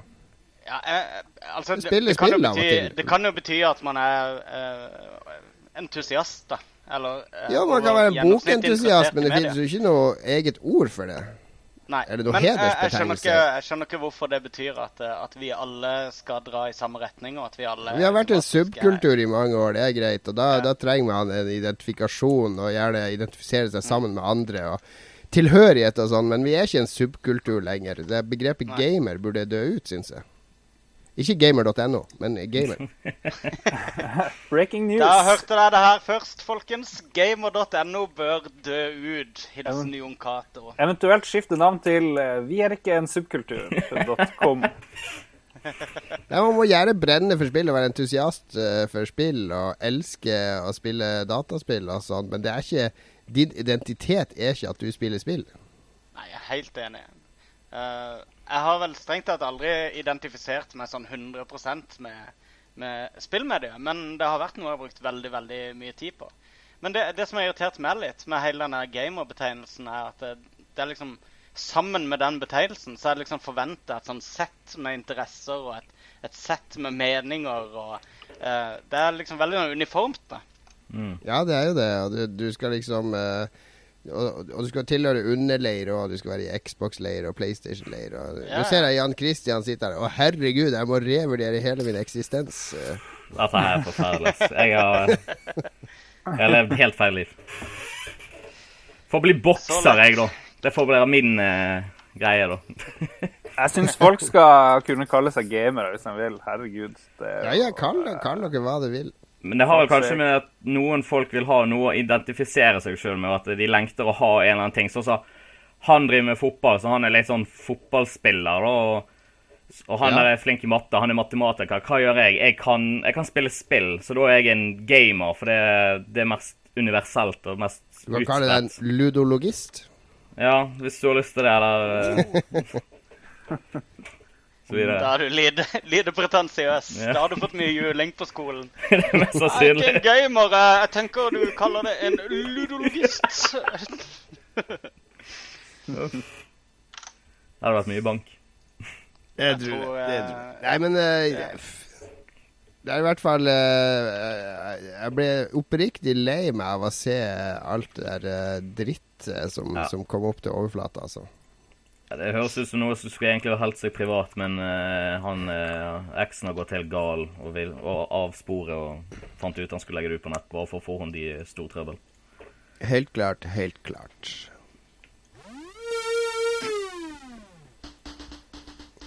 Fem milliarder år for å runde.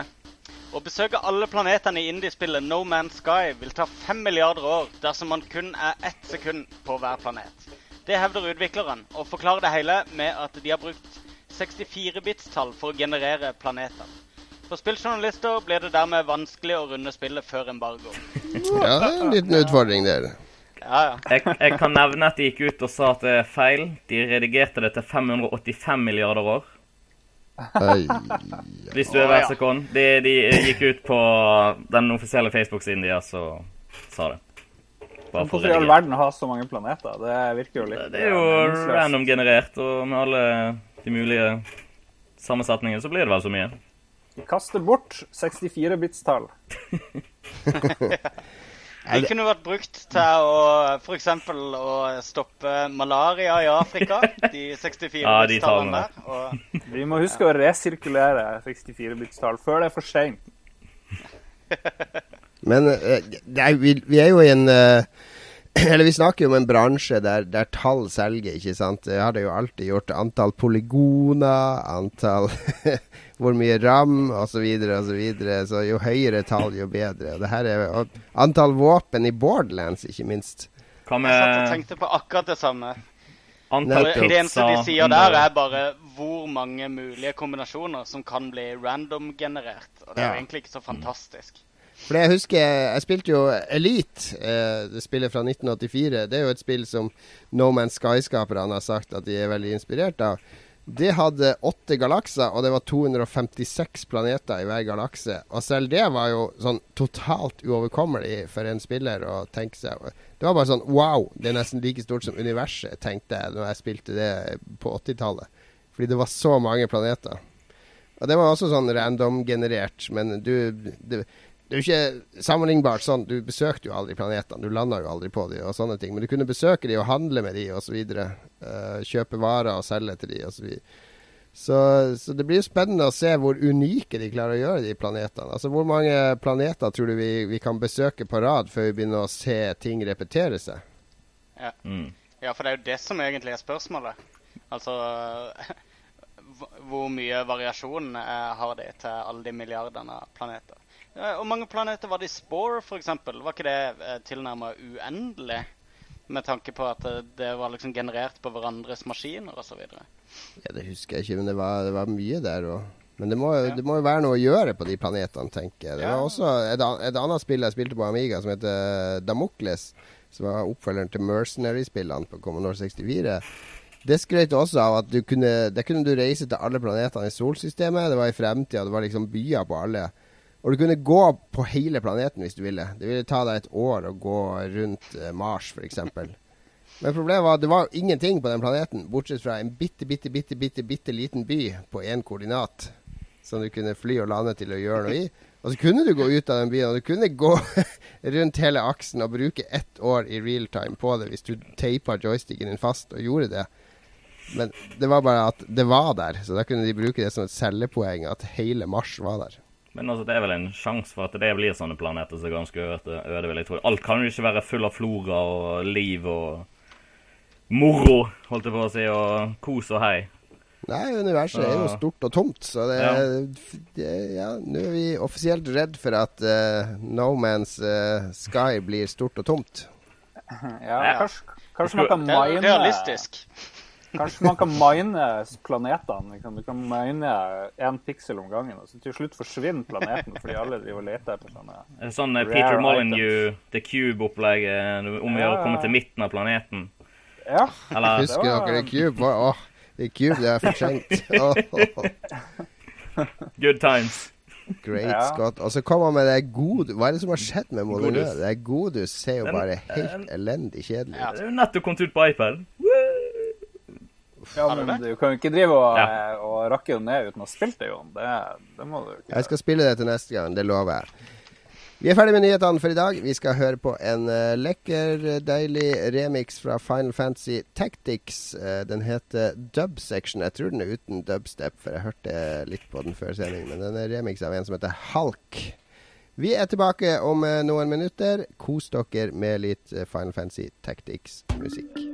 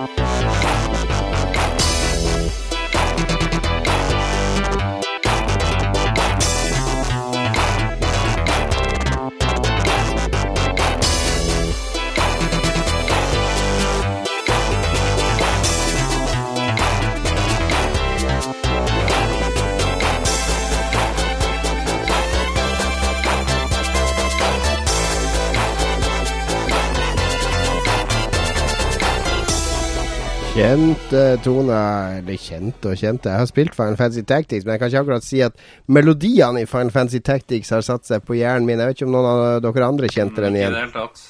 Absolutt ikke. Jeg kjenner de fra syveren, og det er vel alt jeg har eh, bitt med tak i, tror jeg. Uh, trengte en pause der, tror jeg. Ja, det var godt. Doen kalte. Godt, men Hva sa jeg? Doen kalte. Ja, riktig, riktig. Og Det ølet. er veldig praktisk med de pausene midt i. Vi har uh, Det som er litt unikt med sendinga i dag Vi har jo vanligvis så er vi jo delt i uh, i en sånn hellig treenighet. Uh, vi har Lars er jo Den hellige ånd, som liker PlayStation. Magnus er Jesus, som liker Xbox. Og så sitter jeg der på toppen, da, som, som Gud, som, som liker å velsigne alt. Jesus Mens, Christ. mens i denne, denne ja, Ja. mener, jeg mener Gud. Jeg Hva er det, Gud. Lars? Men, men eh, i denne sendinga så har vi jo med eh, eh, nok en Xbox-fan i Jan Christian Hegel. For du er stor Xbox-fan, Jan Christian. Ja. Altså, jeg er egentlig fan av alt, men uh, Men det er Xbox jeg holder meg på for tiden. Liksom, uh, jeg ser ingen grunn til å skaffe seg en PS4 whatsoever. Er du, er du en av de fansen som når det er en, når det er en artikkel om uh, Uncharted eller noe sånt på Pressfire, så går du inn og så snakker om uh, hvor mye bedre Tomb Raider kommer til å bli på Xbox One og sånn? Nei, jeg har ikke hatt tid til det ennå, for det, ikke, eh, det har ikke vært noen nyheter om Uncharted ennå. Ja, nei, nei. nei da. Uh, nei, jeg gjør ikke sånt. Jeg, jeg, jeg bruker ikke tiden min på hate. Det er helt unødvendig. Jeg bruker heller tiden min på glede. Det høres veldig fornuftig ut. Men vi skal uansett ha en duell i dag. Vi skal nemlig kåre hvem som er den største Xbox-fan av Jan Christian og Magnus. Du er med på det, Magnus? Ja.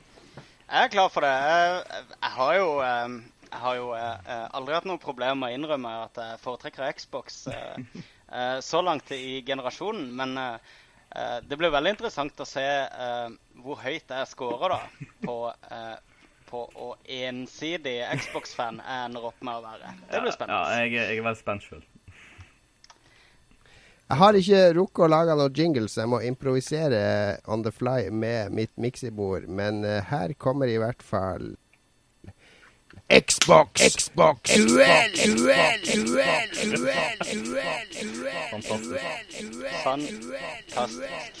Jeg har fem spørsmål til dere. Eh, vi begynner uten alternativ. Hvis begge blir enige om at de vil ha alternativ, så får dere alternativ. Hvis ikke, så får dere ikke alternativ. OK?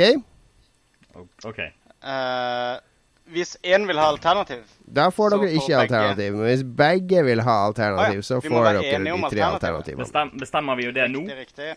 Dere bestemmer det når dere har fått hvert spørsmål. Okay, dere ja. kan velge det fra spørsmål til spørsmål. Mhm. Så det er altså fem spørsmål om Microsoft og, og Xbox her. Og spørsmål én Hva heter den nåværende Xbox-sjefen? Ingen googling nå. Hendene opp fra eh, tastaturet. Knatt, knatt, knatt, knatt! Hva heter den nåværende Xbox-sjefen? Vil dere ha alternativer? Nei. Uh, nei. Da kan Magnus få svare først. Jeg som alltid går i surr på navn. Skal vi skrive det i, uh, på Facebook her, eller uh, skal vi ha det? Nei da, vi, vi tar det her er en æresak. Bare svar du først. Jeg, vi stoler på at Jan Christian sier at han tok feil hvis han hvis, hvis Men jeg går alltid i surr på navn. Men jeg sier Phil Spencer. Det er Phil. riktig. Er det ikke det? Jo. Her, Jo, Spencer. Ja, begge hadde rett. Meget bra. Hæ? Spørsmål ja, ja, okay, to. sånn, ja. ja, riktig. Hva heter Xbox 360 i Danmark?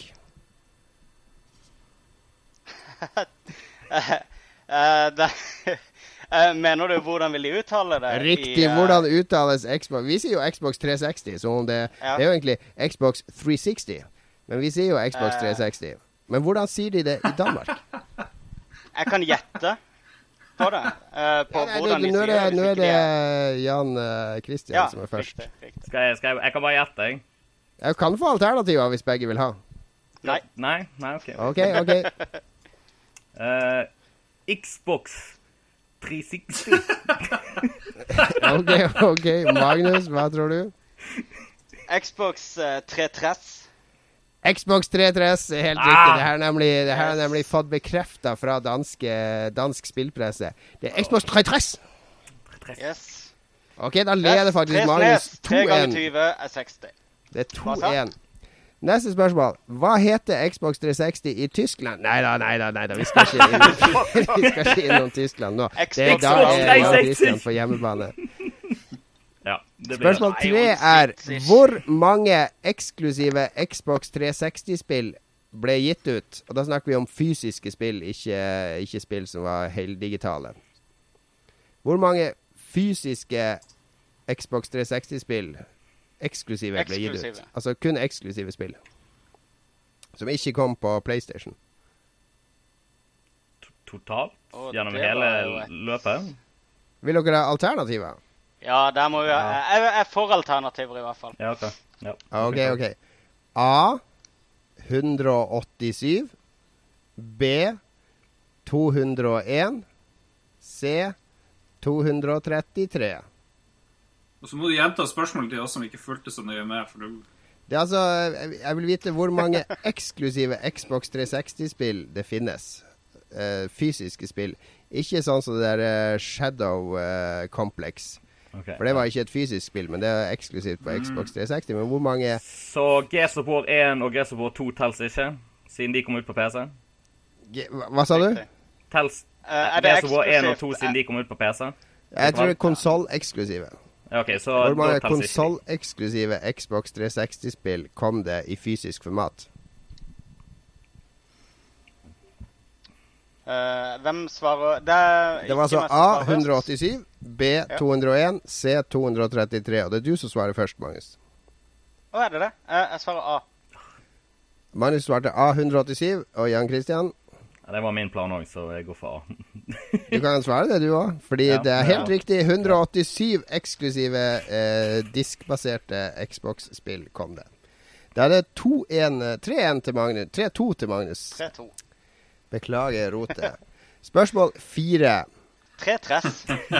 Nå er det Jan Christian som skal svare først. Hvilket kodenavn brukte Microsoft om Xbox under utviklinga? Den, den originale. Den første Xboxen, ja. Ja. Og det er, det. eh, er anledning til å få eh, alternativer, men faren ved det, Jan Christian, det er at da blir det kanskje Da tipser du kanskje Magnus, vet du, som leder.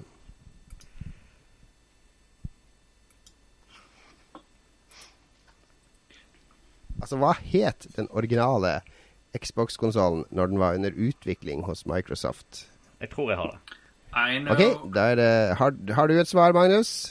Uh, ja, Du må ja, velge nå før Jan Christian svarer. Ja. Men, men hvor Ja. Skal jeg bare si om jeg visste det eller ikke? Om det var det jeg hadde? Uh, Det er ja, når han har sagt sitt svar. Ja, jeg lover å være ærlig. Ja, ja, ja, vi stoler på For en gangs skyld. Hva svarer du, Jan Christian? Er det Direkt Xbox? Det er riktig. Hva svarte du, Magnus? Nei. Jeg trodde det var Xenon han het. Ja, det var Xbox 360, det. Det var oppfølgeren. Oppfølgeren het Xenon. Den første het Direkt Xbox. Da er det altså fire Nei, tre-tre. Uhyre spennende her. Før siste og avgjørende spørsmål. Nå du må panisk google et ekstra spørsmål her eh, hvis det blir likt. Det er, det er det du som må gjøre nå, Lars, mens vi Jeg har vært gjennom det- quizmasterrollen før og vet hvordan det funker. Det tror jeg begge tar. Koser deg nå, Lars. Jeg har et ekstra spørsmål. Hvilke, er det spørsmål fem. Hvilket kodenavn hadde Xbox One under utviklinga? Altså kodenavnet til Xbox One før navnet Xbox One ble kjent. Og nå er det Magnus som skal svare først. Åh, Hvorfor husker jeg ikke det? Uh, Det har vi til og med hatt på quizen, Magnus. Ja, ja. det her kan bli, eh, det kan bli seier nå straks. Oh god. ah, OK. Ja, OK. Mhm. OK, Jan vil Christian ha er klar? Da må vi nesten gå med svar. Magnus. Nei, Men uh, jeg, jeg tror jeg har riktig. Riktig. Marius, du må nesten ha et svar. Jeg har det så sykt på tunga at det er ikke gøy engang. Uh,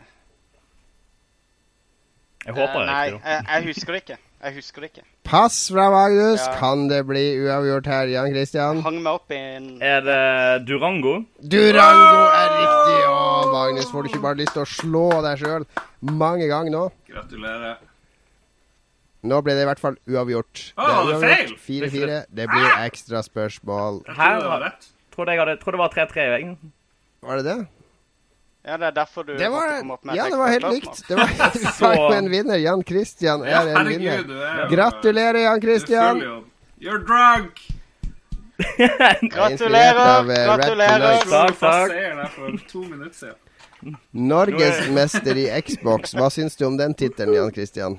Eh, det passer meg bra. Jeg har halo-tatovering. Yes. Oi Skulle sann. ikke tro du skulle ikke Han kunne bare sagt det. Han Har kunne du bare sagt det i stedet for å svare på noen ting. Han kunne bare På hvert eneste spørsmål så kunne han sagt 'Jeg har Skulle ikke tro Halo-tatovering'. du Jeg har Skulle ikke tro du hadde vært, Det hadde vært eh, eh, det er tiebreakeren bare der. Det, det var det som var ekstraspørsmålet mitt. Har noen av dere en eh, Microsoft-relatert tatovering? Ja. Man skulle ikke tro du hadde vært eh, quizmaster. Nei, Microsoft har jo eh, en tusen Windows, år. nei, Magnus har jo en Windows-tatovering et sted.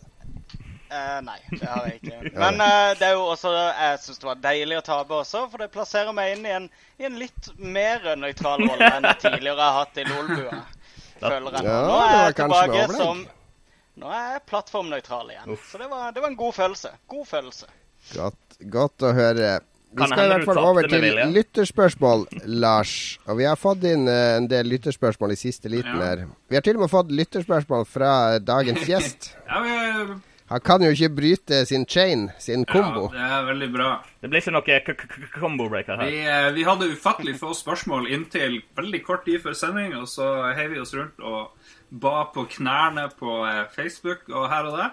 Og det bare strømma inn. Eh, som forslag til spill, så spørsmål, så spurte jeg hvordan film eller TV-serie bør bli spill, og motsatt. Hvordan spill bør bli film og TV-serie. Og Vi har fått masse tilbakemelding på det. Men først så kan vi ta han Andreas RH, som digger T-skjorta di, Jon Cato. De som ikke ser det her, må jo Du må si hvilken T-skjorte du har. Det er fra Fallout eh, Det er Pip-Boy fra Fallout 3, da. Det var en eller annen T-skjorte jeg tror jeg fikk på Gamescom det året Fallout 3 skulle komme. Eller var det, eller var det på E3? Et eller annet, et eller annet sted. Så det var en bestikkelse, med andre ord. Ren bestikkelse. Jeg får jo 100 kroner fra Betesta for hver Lolbua-episode jeg har den på. Så eh, det er penger i banken. Gratulerer. Bård Inge. Nygård uh, gir oss et dilemma, eh, faktisk. uh, X, som passer med konkurransen. Xbox versus PlayStation. Uh, fra i dag av og alle dager fremover så har vi bare lov å nytte oss av én av merkevarene. Gjelder alle utgitte samt fremtidige produkter under det navnet. Hva velger vi? Og det er kanskje ikke noe tvil, eh, vår eh, kjære gjest, eh, Mr. Confusus eh, 90. Nei, for meg er det Xbox. Det er, det er bare sånn det er. Eh, Jeg, jeg har nesten jeg har markert meg eh, til det, så da jeg må Jeg kan ikke si noe. Christian går for Xbox. Og vi kan jo hoppe rett til den andre fanboy, Magnus. Eh, men uh, hva var spørsmålet helt sånn spesifikt? Du må Altså, velge mellom hvilke- Xbox og PlayStation nå, og du kan kun spille på den merkevaren i evig tid. Og det gjør også fremtidige iterasjoner. Så du kan ikke spille PlayStation 5 hvis du velger Xbox nå. Men var det også sånn at uh, det var kun de spillseriene som eksisterte til den konsollen, som noensinne ville være tilgjengelig for den? Eller kunne jeg bare kjøpe én konsoll i all Ja, du kan kun spille på én konsoll, så hvis du velger Ja, du kan ikke spille eksklusive spill til den andre konsollen, men multiplattformspill kan du spille. Hvis jeg går bort til en venn og spiller, da kan jeg gjøre det? Nei, du kan ikke. Du kan, uh, du, Men du kan du se dør. på, du kan bare ikke spille på den. Okay, kan jeg bruke okay. Hvis jeg har en Xbox til Twitch og Netflix, da spiller jeg jo ikke på den. Da ser jeg på den. Vil, Akkurat. Uh, er det et smutthull, føler du? Det er ingen smutthull her. Det er helt Du kan kun ta i en Xbox-kontroller. Ja, ja. Men nå styrer hun den med aller meste med kamera på en Xbox, heldigvis. Så eh, her er det bare Her faller jeg gjennom smutthull etter smutthull. Nei, jeg, jeg kan godt si Xbox, men akkurat der så Ja. Men det store Eh, catchen her, syns jeg, er jo i all fremtid. Fordi eh, det er ikke umulig at Xbox One blir Microsofts siste spillkonsoll. De har Jeg ansatt han er Finn, som ikke er noe fan av spill. De har rådgivere som mener de bør kvitte seg med spill. De selger ikke bra. Hvorfor skal de lage en oppfølger til Xbox One hvis ikke Xbox One blir en uh, kassasuksess for de? Og da har du plutselig bundet deg til å spille noe som opphører å eksistere, og så kan du aldri tenkte, hoppe over til PlayStation. Sånn Ja, tenker jeg PC. det, men, og ikke minst så tenkte jeg at kanskje det ble en ny Nintendo-vår. Mm. Og da har du plutselig en uh, Ja, men Nintendo har du ikke utelukka. Det, er det er kun den Xbox eller PlayStation du må utelukke. Å ja. Oh, ja. Ja, men OK. Men da jeg kan jeg kan leve videre med kun Nintendo. Ja, men du har Men PC òg. Uh, ja. Du sier noe der. Altså, hvis jeg skal tenke så, eh, så uh, langsiktig ja. Med forbehold jo, Men da, da kunne det faktisk eh, Da kunne det blitt en PlayStation. oi, oi, oi. Shocking news. Shocking news. Nei, Breaking det er ikke news. så problematisk for meg som, som verden vil ha det til, men Men uh, ja. Nei, det var et, et godt spørsmål, sånn sett, siden det krevde så mye. Hva med Lars, da? Og Lars, Men du skal ikke velge sånn Amiga CD32. Det er ikke det det her handler om. Det er det PlayStation og Xbox. Nei, det, det, jeg er heller ikke verdens største fanboy, men akkurat som jeg likte Xbox 360 best i forrige generasjon, så liker jeg PlayStation bedre i denne generasjonen. Sånn er det bare. Jeg mener det er bedre brukeropplevelse. Så derfor blir det veldig vanskelig, for jeg vil jo spille alle forrige generasjonsspiller på Xbox og alle new generasjonsspill på PlayStation. Så det der er skikkelig eh, en skikkelig pine. Men eh, ja, ja. Jeg gjør det lett. Jeg hopper på PlayStation bandwagon. Så enkelt er det. Tre PlayStation mot eh, Men han er jo Xbox-kongen, Jan Christian, så vi sier at det blir 3-3, faktisk. Han teller, han teller som tre stemmer i og med at han er kongen. Så det blir helt uavgjort. Og har Halo-tatovering. Det jeg teller i hvert fall som en Det er han og Peter Moore. Ja. Good times. ja, faktisk. Du, kan jeg bare eh, eh, skyte inn at eh, det er ikke Pip-Boy du har på T-skjorta di. Det er Waltboy. Ja, Waltboy. Ja. ja. Jo, ja. Litt sånn skuffa over at en av de eldste liksom, fallgruvene i spillbransjen ikke eh, At vi ikke var klar over den. Men eh, Så har vi et spørsmål fra Jøsta Gøsta eh, til Jan Christian. Hvordan ble du så awesome? Hva er hemmeligheten? Uh, wow. Uh, jeg har ikke peiling, egentlig. Jeg uh, bare har interesse, og jeg lever med den lidenskapen og bare forfølger den. Jeg vil bare gjøre det jeg syns er gøy, egentlig. Jeg liker ikke å gjøre det jeg ikke er gøy. Så hvis jeg er glad i noe, så går jeg litt over the top på det, og da Ja. kan det føre til awesome Tar du mye drugs? Er det en av hemmelighetene? Det er hemmelig i så fall. Ja, det er hemmelig. Jeg tror, jeg tror min mor ser på, så jeg tror ikke det er lurt å si noe.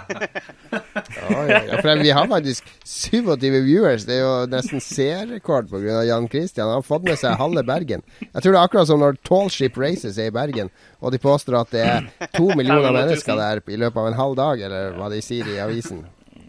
Var du på Tall Ship Races? Uh, Nei, jeg var hjemme og spilte Dota. Du var ikke der, og allikevel så var det 600 000 mennesker der. Jeg har null tro på det tallet der.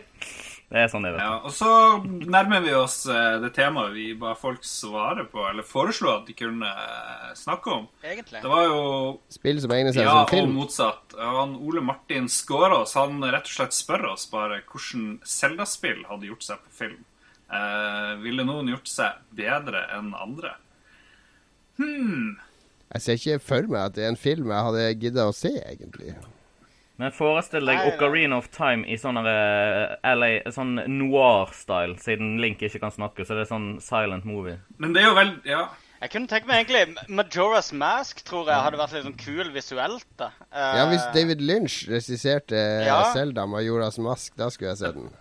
Ja, jeg tenkte òg det. At det måtte bli noe sånn darkness, eh, psykedelisk ut ifra den. ja, Hva med Twilight Twilight Princess? Den er jo det mest mørke. Fordi Problemet med Zelda er jo at det er ganske lyst og happy egentlig hele tida. Det er jo litt kjedelig å se folk som bare går rundt og har det fint, og så og møter masse venner og sånn. og Av og til så er det litt sånn småfiender som ikke er noe problem å Det er drepe. ikke så lys og happy, da. Det er jo I det nyeste på 3DS-en så er det jo mye tid i den der Dark World som er ganske dyster.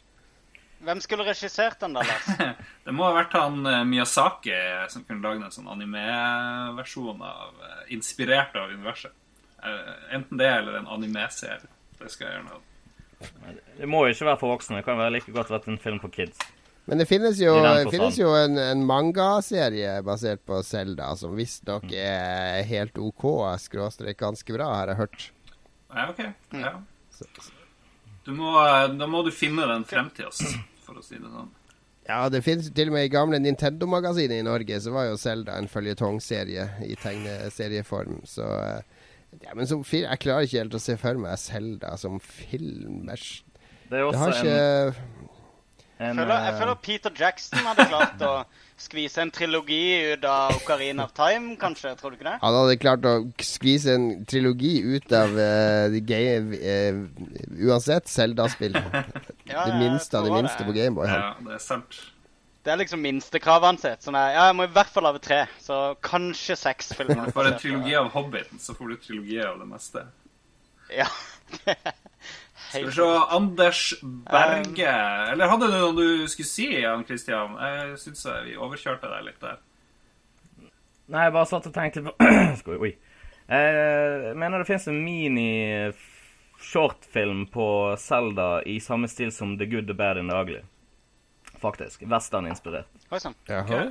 Den er faktisk veldig gøy. Ja, Da må du finne den frem til oss og gi oss uh, en pek.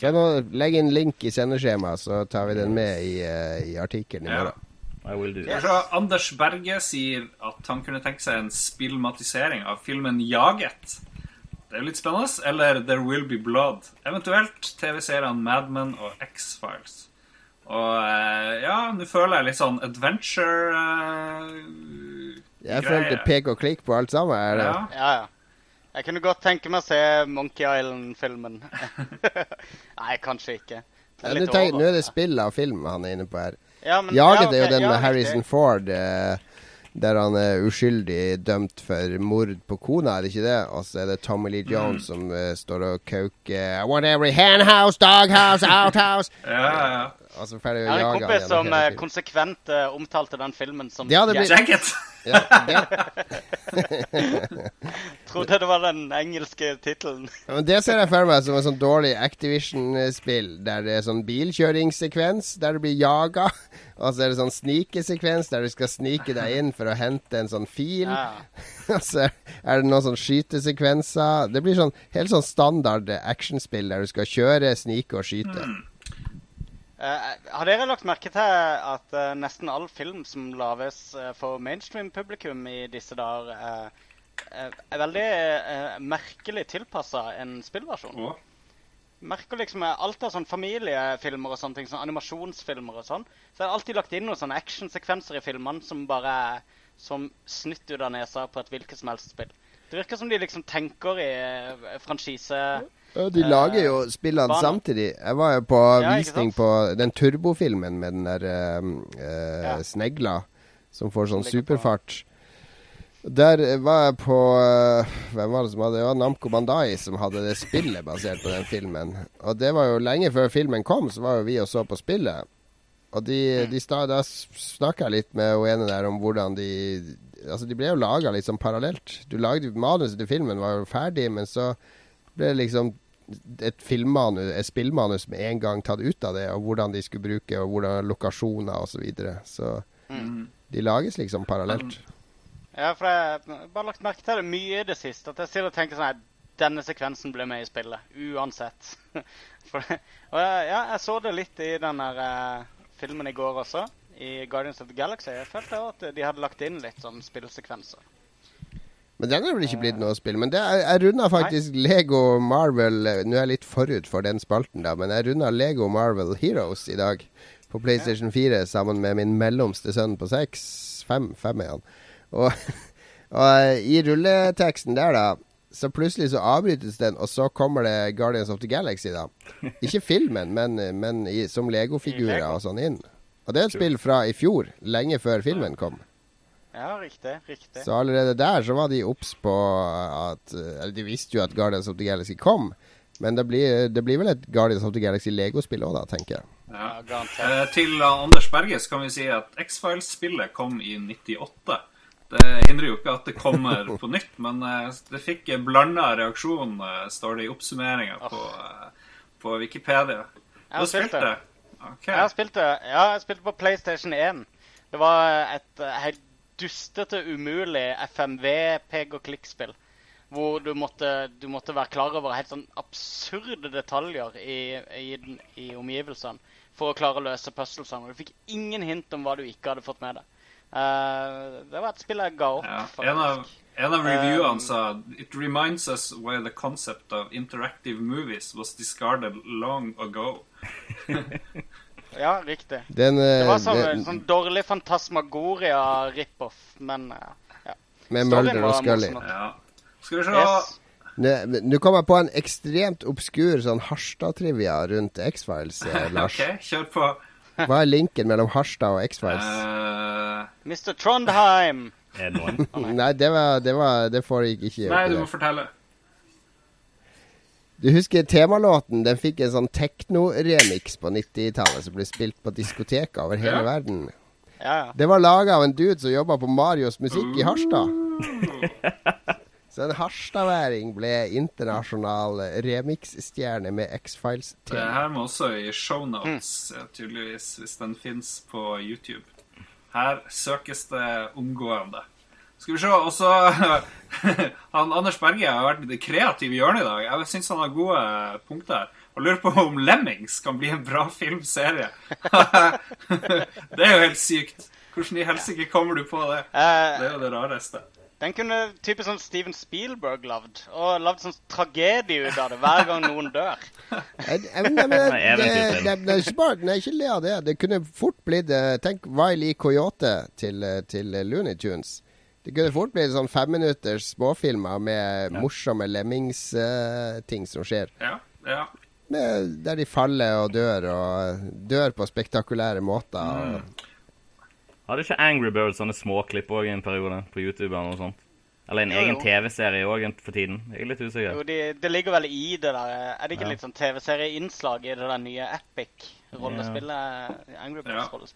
Han eh, men han hadde flere forslag, han Anders. Ja, han eh, tar jo frem et av favorittspillene våre, Another World, og mener at det kanskje kan bli eh, Ja. film, TV-serie. Det kunne det jo. Det er jo en syltynn historie, da, så du må jo flashe han ut Ja. eh, sinnssykt mye. Men eh, det grafiske uttrykket er jo kult, så jeg vet ikke. Jeg vil heller se det som en fransk eh, tegneseriealbumserie. Det hadde vært litt eh, kult. Uh. Ja. Mm, helt en Sånn Moebius-ting. ja. Og eh, Space Quest eh, lanserer han nå, så ja. Ja, Space Quest tror jeg hadde funka bra. Det tror jeg hadde funka dritbra som Ja. film. Er ikke det Red Eh. Dwarf? Er ikke det Space Quest-TV-serie? ja, faktisk.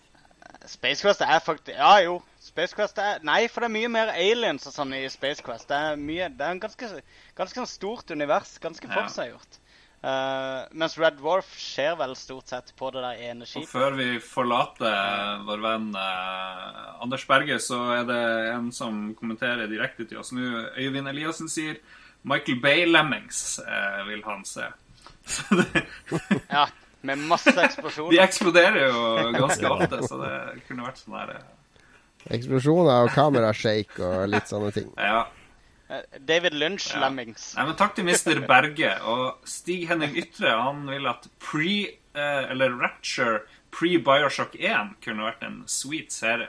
Og det har han jo Altså før katastrofen inntreffer med drømmesamfunnet under vann? Jo, det er jeg enig absolutt. i. Er sett hvordan det faller sammen og sånt, hadde jo vært eh, fantastisk, eh, egentlig.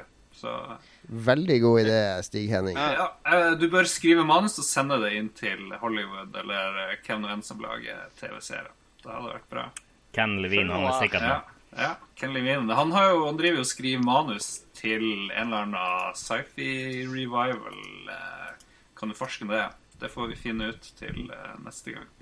Skal vi se Inger Til neste gang. Inger Kåstad har vært så snill å sende oss spørsmål og sier at Selda Hei, Inger!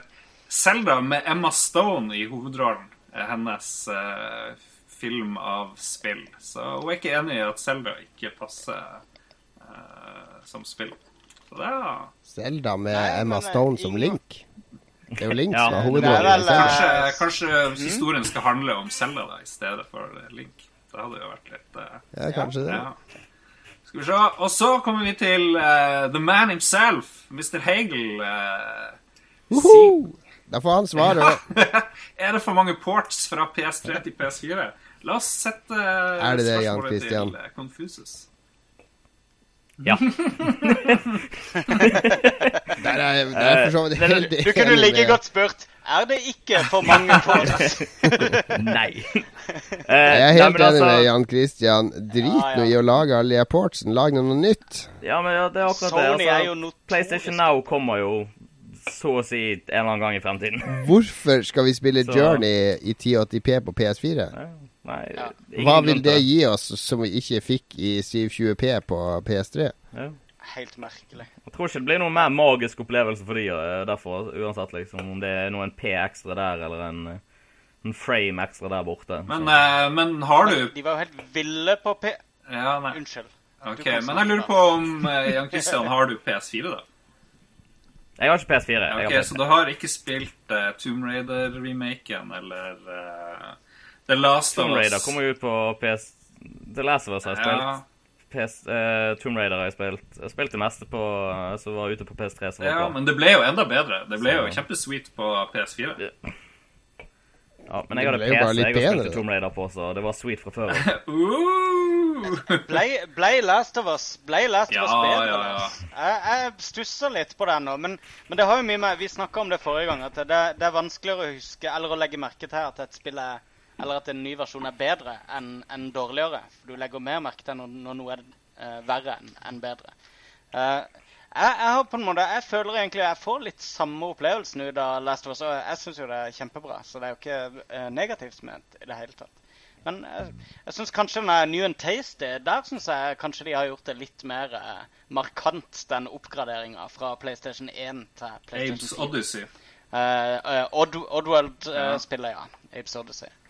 Eh, men PlayStation 3 var jo ganske notorisk når det kommer til eh, Det var ikke så mye remakes engang. Det var mer bare de bare begynte å selge de gamle PlayStation eh, 1 og 2-spillerne om igjen. Uh, til en eh, ja, relativ penge. Jeg vet ikke. Det var sånn midt på Men det er jo treet. ingen som tvinger deg Men de Det er jo ingen som tvinger deg til å kjøpe de her tingene.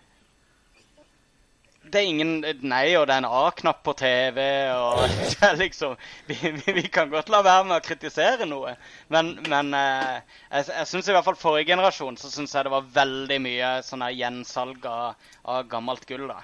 Som, som var litt overflødig, kanskje. Final Fantasy 7 ble vel solgt På hva, PC. Det kom vel tre versjoner av det? hva? Ja, Final Fantasy 10 er jo allerede ute på PS4 òg, vet du. HD. Ja. HD Remix. Lars elsker jo den. Ja. Ja, og Last of Us Det er et halvt år gammelt? Eller er det ett år gammelt? Ja, det er ett år. Et Ja. år. Ja, ett år. Det er for tidlig å, å begynne å snakke om remakes, syns jeg.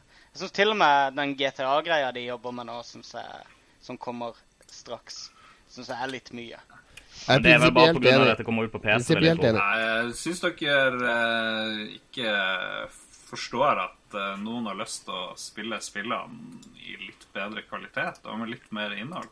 Du må jo få lov til det. Jo, men det jeg alltid har likt Det, deg det som alltid har vært Master Chief Collection, da, Lars? Eller åssen er det? Nei, jeg er jo ikke så interessert i Halo, men jeg syns jo det er helt greit at de gir det Nei. ut. Det er jo tydeligvis mange som er interessert i det. Ja. Men det er jo en skikkelig remastered edition. Ah, ja! De gjør jævlig mye ut av det i forhold til hva de gjør eh, Da er det med, greit. men liksom Hvis du sammenligner det med Journey Journey har ikke nytt Ja, jeg inn, enig. ny grafikk som gjør det mer magisk, eller sånne ting. Det er bare Så det er det, det er min mening, da. Liksom, det, det er visse spill som kunne heller blitt brukt ressurser på eh, de, PlayStation kunne brukt ressursene sine på andre ting. Så lenge det er på Xbox Det Det er jo så- folk som spiller, det er jo folk som spiller Halo 2, som Ja. spiller Halo 2 i multiplayer ennå.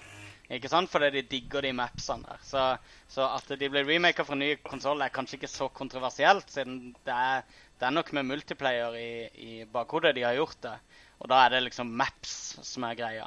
Uh, men og interessant det er å runde en haug med gamle Halo-spill om igjen, sånn story-messig. Det tror jeg. Jeg tror ikke det er så mye å hente akkurat der, selv om det er finere. Jeg vil gjerne runde Halo 1 på nytt. Jeg syns jo det var helt fantastisk. Ja, jeg, jeg faktisk kommer til å spille de Halo-spillene. Kanskje ikke gjennom de, men uh, gjenbesøke de i hvert fall. Det kommer jeg til å gjøre.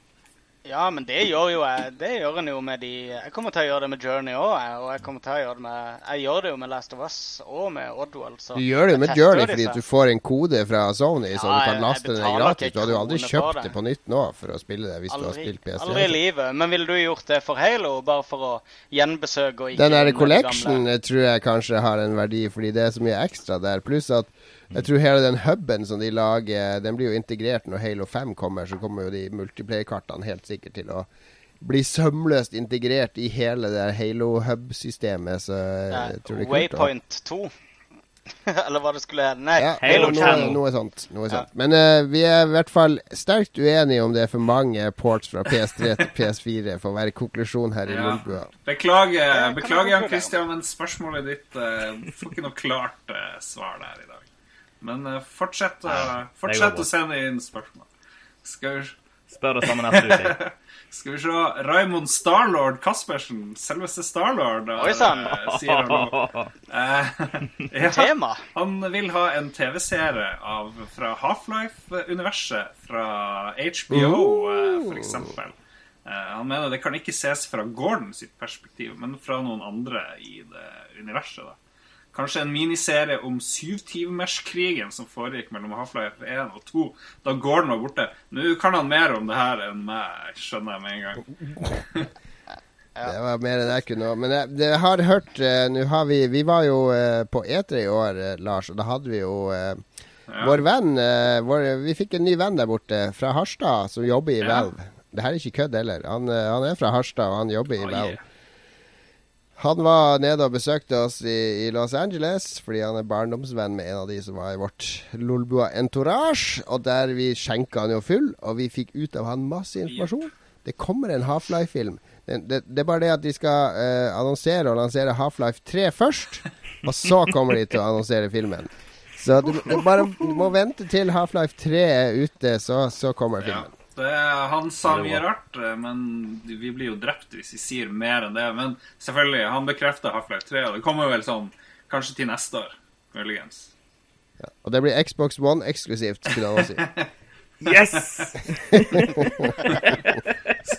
Skal vi se Andreas Haakonsen sier at Elder Scrolls-universet må være perfekt for filmer. Uh, han tenker Lord of the Rings-style. det kan basere seg på eksisterende historier fra spillet. Jeg ser for meg folk som får å samle ost og fylle husene sine med ost. Wheels Og, of og cheese. Løper rundt 1000 oster nedover fjellsida altså, for å se på fysikken. Folk som går veldig lange turer i skogen, og som løper inn i husene til folk og åpner alle skap og knuser ting. Jeg vet at det kommer jo masse fancy-serier nå inspirert av eh, det her jævla eh, Som går på HBO. Hva heter det? Det der Game of Thrones. Game of Ja, Thrones. Blant annet eh, den her Name of the Wind, uh, Kingkiller Chronicles, uh, skal visst bli en sånn TV-serie. Det gleder jeg meg veldig til. Så jeg tror kanskje ikke det er plass til det her Elder Scrolls-greia, men uh, god idé. God idé. Det store problemet mitt med, med en sånn Elder Scrolls-ting, det er at de har den der dumme katterasen. Hvorfor har de med en sånn katt, eh, sånn kattemennesker? Det, det er sånn Ja, for det datanerder liker katter er vel den, den største generaliseringa nesten internett har klart å komme opp med. ja. De ser så teite ut, de kattene. Ja, jeg er enig. Det er det samme i uh, Hva er det? Uh, MMO eh, Lin Nei, ikke Lineage, men uh, åh, Jeg har anmeldt det til og med. Et av de nyere MMO-spillene. De har òg alltid med katteraser. Ja, en merkelig krampaktig ting med at eh, de skal ære eh, katten sin. De La katter utvikler være den. katter, de skal ikke være mennesker. Ja! Ok, det, ditt store problem er at det var kattemennesker. Altså lizards, det var helt greit, liksom. Det var Ja. Ja, lizards er greit, for de ser litt sånn farlige ut, men katter, de eh, Katter kan ikke gå på to bein. Altså, de har ikke Det, det er mye Og det kan jo fundamentalt lizards. feil. Til til forskjell fra lizards, som går på to bein hele tida. det er sånn komododrage. Ja. Den kan du se før den reiser seg opp og går litt på to bein. Men har du noen gang sett en katt Jeg kan se en hund gå på to bein. Det, det, du kan trene en hund til å gå på to Har du noen gang sett en katt gå på to bein? Ja, jeg har det. Jeg kan skaffe deg 15 Lolcat-videoer på Jeg skal ikke ha Hvis det er Lolcat-videoer kommer her, så blir du permanent bytta ut med Jan Christian her i Lolbua. Hva gjør det. Hva gjør det. Eh, alle på internett, Jon, Så Og jeg, bare for å understreke, Lolcat og Lolbua har ingenting felles, til tross for navnet LOL. ingenting. Det er ingen assosiasjon Vi der. er faktisk inspirert av Nyankat. Det er der vi har tatt det fra. Merkelig nok. Men uh, um, kan, kan jeg ikke bare legge til at jeg ble litt fornærma over at du i det hele tatt mistenkte meg for å, å kaste lolcats. Det syns jeg var veldig lavt. Jeg bare tror på det du sier. Jeg tror ikke at du er skrønemaker. Oi, oi, oi, vi får masse kommentarer på YouTube òg, og der er jo Secret Chest en av de faste som følger oss. Og han eh, fikk med seg at vi tidligere snakka om eh, tabletop og brettspill, så han foreslår at folk eh, sjekker ut Munchkin. Dagens sterkeste anbefalelse om vi ikke har spilt det. Og vi har selvfølgelig spilt Munchkin, eh, har vi ikke det, alle sammen? Ja. Munchkin er morsomt. Det er eh, morsomt for alle som er litt inne i det og det og, og sånne ting. Mange artige referanser. Ole Martin Skarås sier uh, Wheel of Time hadde gjort seg bra som TV-serie, filmer og spill. Uh, han vet at det er laga spill i det universet som ikke ble all verdens godt mottatt. Ja, er det noen som har fullført Wheel of Time? Uh, Gidda å lese hele greia der? Jeg syns som vanlig så datt det Nei. litt fra hverandre etter hvert, altså. Jeg begynte på spillet en gang, husker jeg. Det uh, Peg og klikk-eventyrspillet som ble sluppet på for ca. 15 år siden. Det var ganske kult, faktisk. Um, men jeg, jeg har ikke lest noen av bøkene, faktisk. Ja, han døde vel etter hvert. Jeg har ikke hørt å lese eh, Greier. Gjorde han ikke det? Han der, eh, så det, det skjedde det samme som blir å skje med det der eh, jævla eh, nye greier til han der George R.R. Martin. Han et for mye, han har fått for mye penger, bruker alt på frityrstekt sjokolade, og så bare dør han. Sånn går det. Skal vi se. Alexander Hakestad har uh, hørt på oss. Han uh, Mulig han er, gjør klar til å Han bare distraherer oss med spørsmål mens han driver og skal saksøke oss. Det er det jeg tror etter våres uh, Rad Høres Crew sannsynlig ut. Nights-greie. Det jo han som, det er jo hans hjertebarn. Eh, han mener at filmen Manimal bør definitivt bli et spill. Er det noen som har sett Manimal her? Det er vel en uh, kultklassiker. Som, eh, vi får ha det i lekse til å se det til neste gang. Alexander. Nå sier han også at Centurions RPG hadde vært konge. Forskjellige classes og alt. OK?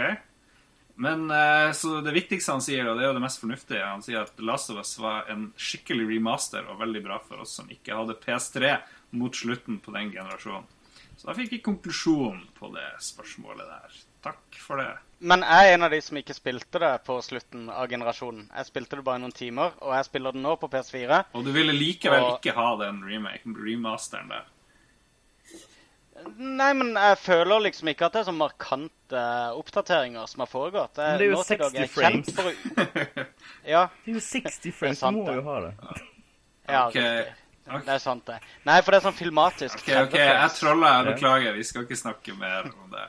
Uh, Stig Kenneth Limesan uh, sier at siden nye Star Wars-filmer ikke er unngås, kunne det vært kult med en film eller to basert på The Force Unleashed-spillene. Uh.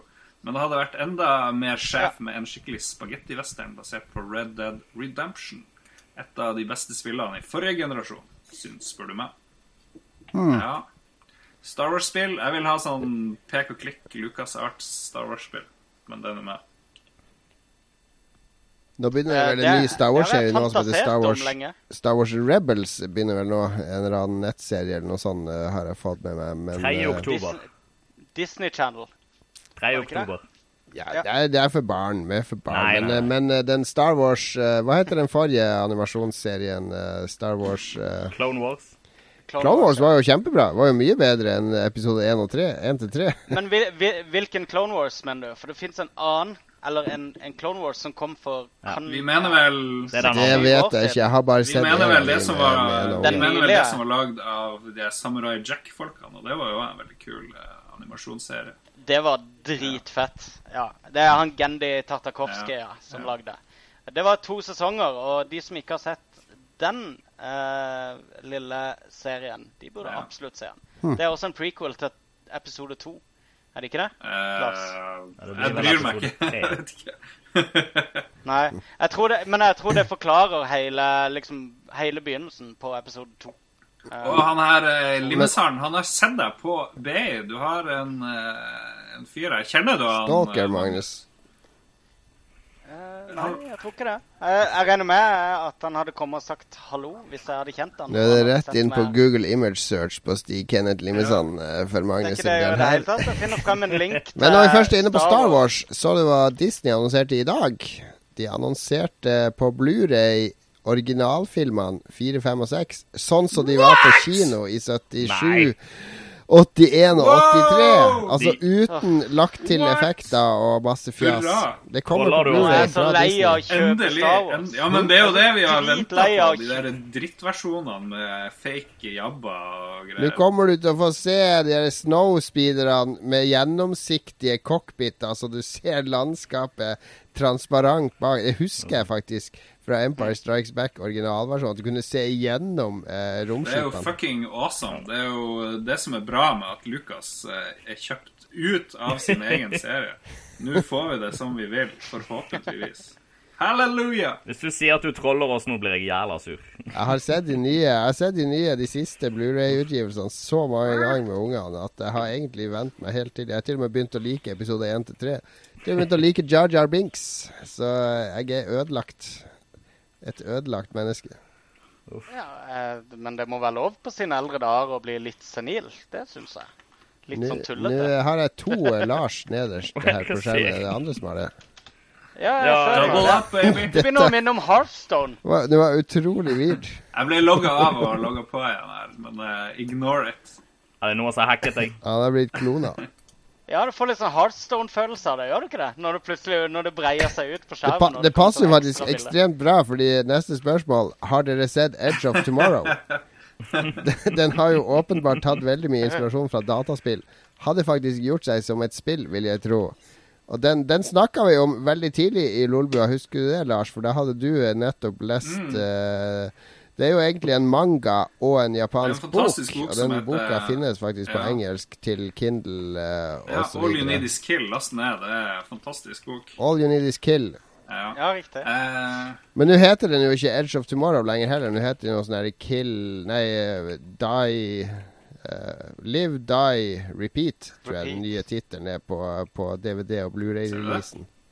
Jeg, jeg trodde det var bare At det var liksom sånn her eh, Hva heter det for noe? Den der punchlinen, eller? Nei, de har endra det tittelen nå. Og det hadde en eller annen Yes. forklaring på det, fordi den filmen gikk visst ikke så bra som de hadde trodd. Og det tror jeg er fordi at i trailerne så ble det solgt som en sånn sci-fi-krigsfilm. Og så tror jeg det kom en masse eh, Kanskje folk som ikke har sånn sansen for litt sånn plot twist i sci-fi og, og greier. Og så så de Tom Cruise, og så ser de at han dør, og så våkner han og så bare Hæ? Og så gjør han det et par ganger til, så bare Hva er det her for noe tull? Jeg kom Så hit for å se en ny Starship Troopers. ja, nei, men Det er jo en fucking awesome film og en dritbra bok. Ja, en Så, kjempefilm. eh, den trenger litt support. Den må bli en sånn kulthit på eh, Blu-ray og DVD og uh, Pirate Bay, tenker jeg. Det fortjener den. Ja, og sjekk ut boka. Den er kul. Den er veldig annerledes. Jeg så absolutt ikke for meg Tom Cruise når jeg leste den boka, i og med at han helten er sånn 21 år gammel og japansk. Men, men uh, det Han er jo The Last Samurai. helt greit med Det er Tom jo- Cruise. Han er jo wannabe-japaner, han Tom Cruise. Wannabe-japaner er og sjefs-scientolog. Han er kanskje det. Scientolog. Tusen takk i hvert fall til alle som slengte inn spørsmål til oss i siste liten. Eh, veldig hyggelig å kunne sitte og prate og diskutere og fjåse rundt ulike tullete temaer som vi finner på. Vi nærmer oss slutten, men vi må jo selvfølgelig innom eh, hele grunnen til at vi er her. Det er jo nemlig eh, å snakke litt om eh, Jeg trodde spill. hele grunnen var for at vi skal skulle snakke piss. Er det ikke det som er grunnen? Vi skal snakke piss om spill. Og vi skal snakke litt om hva vi har spilt i det siste. Og da kan jo Da lar vi jo alltid gjesten få lov til å begynne. Hva er det du har spilt i det siste, Jan Christian, som du vil dele med oss? Jeg har spilt litt mye forskjellig, faktisk. Jeg har spilt et nytt spill som kom ut på iPad, uh, Size Does Matter. Norsk spill? Norsk spill? Norsk spill. Veldig, veldig fengende og gøy. Jeg er bare beklageligvis utrolig dårlig i det. Fortell litt om hva er Size Does Matter, for de som ikke vet. Eh, det, var, eh, det er musikk-rytmespill eh, på iPad skal komme på Android, så vidt jeg er klar over. Og Ja. du har en strek som blir enten mindre eller større, som du beveger opp og ned. og du gjør større og mindre, og prøver å gå rytmisk gjennom uh, musikken. Han seiler til høyre på skjermen, og så Mm. er det sånne søyler opp og nede som du skal manøvrere han gjennom? Han skal helst ha akkurat samme størrelse, sånn at han sklir pre perfekt gjennom. Så, så det er nesten som en sidelengs Tetris eh, i en eh, rytmisk versjon. Kanskje. Og det spillet har jo jeg spilt, og det er jo uhyre gøy. Uhyre velprodusert, eh, og så Mm. lekkert. Det er veldig sant. Mye bra Sier dere det bare Mye fordi det er et norsklaga spill? Er det sånn Nei, jeg er faktisk eh, veldig glad i det. Jeg er jo, veldig, jeg er jo ekstremt glad i, i sånne, sånne musikkbaserte eh, reaksjonsspill i utgangspunktet. Fra frequency, amplitude og alt mulig som har kommet imellom der. Og det her er jo helt på høyde med, med syns jeg, med, med Det helt i toppsjiktet av sånne ting. Og spesielt fordi det er laga for eh, mobil og iPad. Fordi det, kontrollen er helt perfekt tilpassa. Altså den styringa og sånn. Det hadde ikke funka bedre på konsoll, er det jeg merker når jeg spiller det. Helt enig. Jeg har også spilt det. Jeg visste ikke at det var norsk da jeg kjøpte det en gang. Så eh, Uh, Det var noe jeg fant ut i etterkant. Jeg har spilt det litt, ikke så mye ennå, men jeg digga det veldig umiddelbart. Jeg har sittet en del på banen og spilt det på iPad. Men det jeg har reagert på i det, er at det er eh, sånn nådeløs uh, Altså, du må bygge opp komboen din, og du må ikke bomme. Ja, og, det, og det er ikke noe makskombo. Og det er et lite problem, fordi at uh, jeg, jeg driver konkurrerer mot sønnen min på 13, for han har også kjøpt og lasta ned. Og han ligger på toppen på alle rankinglister. Og det handler om å få en sånn kombo på ganger 200-300, sånn at du får bonusbrettene og kan få enda mer poeng. Og det, da blir det sånn at hvis jeg spiller i ett minutt, og så jeg kommer opp i en 150-kombo, og så bom, bommer jeg og mister komboen, så, så er det bare å begynne på nytt. Jeg har ingen sjans til å ta igjen den scoren hans da. Det, Det, er jeg frustrerer meg, fordi det, det er ofte i andre, sånn som Frequency og Rockband og sånne typer spill, så er det Det er ikke ute hvis du ikke klarer det. Du kommer opp på den gang åtte komboen og du må holde den en stund, men det er vanlig at du mister den et par ganger i løpet av en Mm. spillomgang. Det er de færreste som klarer på ekspert å holde den gjennom en hel omgang. Riktig. Så, så det, det stykket spiller litt opp når jeg begynner å kjempe om high scores. Men selve opplevelsen, den musikkopplevelsen når du seiler gjennom de her neontunnelene Ja. bortover, den, eh, det er totalt hypnotiserende. Totalt uh, Du blir helt uh, sugd inn i det. Jeg anbefaler det. Veldig kult. Mm. I tillegg til det så har jeg spilt uh, Dota 2. Jeg er jo litt PC Master Race, Uh, for det er jo Windows, Ah, det òg. endelig en som kan uh, snakke litt om ting vi ikke har peiling på. Ja, hva vil du vite? Åssen var det International? Var du fornøyd med kampene og resultatet? Det, alle- De, de lagene jeg tapte, de tapte. Nei, de lagene jeg heide på, tapte, mener jeg. Det var veldig frustrerende. Men eh, så heide jeg på det ene laget som eh, slo ut det ene laget jeg heide på, og de òg tapte. I finalen. Så det var jo veldig kjipt. Eh, Kjenner du han. Slayer fra Askøy? Nei. TV 2 hadde nemlig en dokumentar, det her er på starten av 2000-tallet, i hvert fall ti år siden, der de fulgte Slayer fra Askøy eh, til Korea for å delta i VM i eh, Starcraft. For han var kjempeflink i første Starcraft. Og da var de med han til, eh, til uh, Korea, og jeg husker ikke om han vant. Han vant i hvert fall en del penger som han hadde med seg hjem. Han var bare 17-18 år på den tida. Men det, det var liksom første gang uh, sånn e-sport var på TV-skjermen i Norge. Det var via TV 2 og dokumentaren om Slayer. Kult. Det, det visste jeg ikke. Det var jeg ikke klar over. Nei, kult. Sikkert verdt å google i ettertid, så kan Ja. du spore han opp. Hva, det, det hjelper vel ikke å søke på Slayer-dokumentar. Jeg tror du får mye annet opp da. Der får du nok mye annet. Men Dota 2, Så- det spiller du fast, eller? Ja, jeg spiller det i eh, så å si i hvert fall fem-seks timer i uken. Du har ikke meldt deg Eh, på, for jeg ser at gamer.no de, de satser jo veldig hardt på e-sport, så de har en konkurranse Bare som heter. So You Think You Can Cast. Ja, Der de det skal Problemet er jo det at eh, de, de, de støtter alt av e-sport utenom Dota. Det, de, Det- har, de, de skal ha Dota-kommentatorer òg Ja, i, de, de har ikke gjort det ennå. Det er det som er problemet. Sant? De, de, de, Norge er ikke så Dota-avhengig, føler jeg, som eh, resten av verden er blitt. De er mer eh, Ja, League of Legends da, og det- Starcraft. League of Legends. League of Legends. Ja. Ja. Det, det er i hvert fall det jeg føler. I hvert fall kidsa, da, som jeg eh, ikke er. Eh, Ja, ja, League of Legends er jo det offisielle LOL-bua-spillet. Det er jo League of Legends-bua du er i nå, eh, Jan Christian. Så du kan, nå kan du angre. Du får finne Dota-bua borti Ja, vi, Bergen. får- vi får bare Men i eh, det. hva tror du om eh, Heroes of the Storm fra eh, Blizzard? Jeg har, jeg har veldig lyst til å prøve det, bare pga. det er gamle helter og kjente figurer fra, fra World of Warcraft, Starcraft og Diablo. Og det, er egentlig- jeg tror det er det som er appellen til spillet. fordi så vidt jeg har forstått det, så er det mye mer casual. De prøver å gjøre sånn at alle har det gøy uansett. Uh, om du er dårlig spiller eller ikke. Blizzard. Så, ja, men jeg ser, jeg ser fram til det. Jeg eh, sitter jo ennå og håper på en betakode en eller annen gang i livet. Så. Hvem vet? Ja, riktig. Ja, men du, du tror det blir for casual? At det, at det blir sånn at de flinkeste ikke har det gøy? da? Jo, jo, de flinke har det sikkert veldig gøy, men det er også det at jeg tipper på at eh, de som ikke er gode, liksom, eller ikke spiller så ofte, de vil også ha det gøy.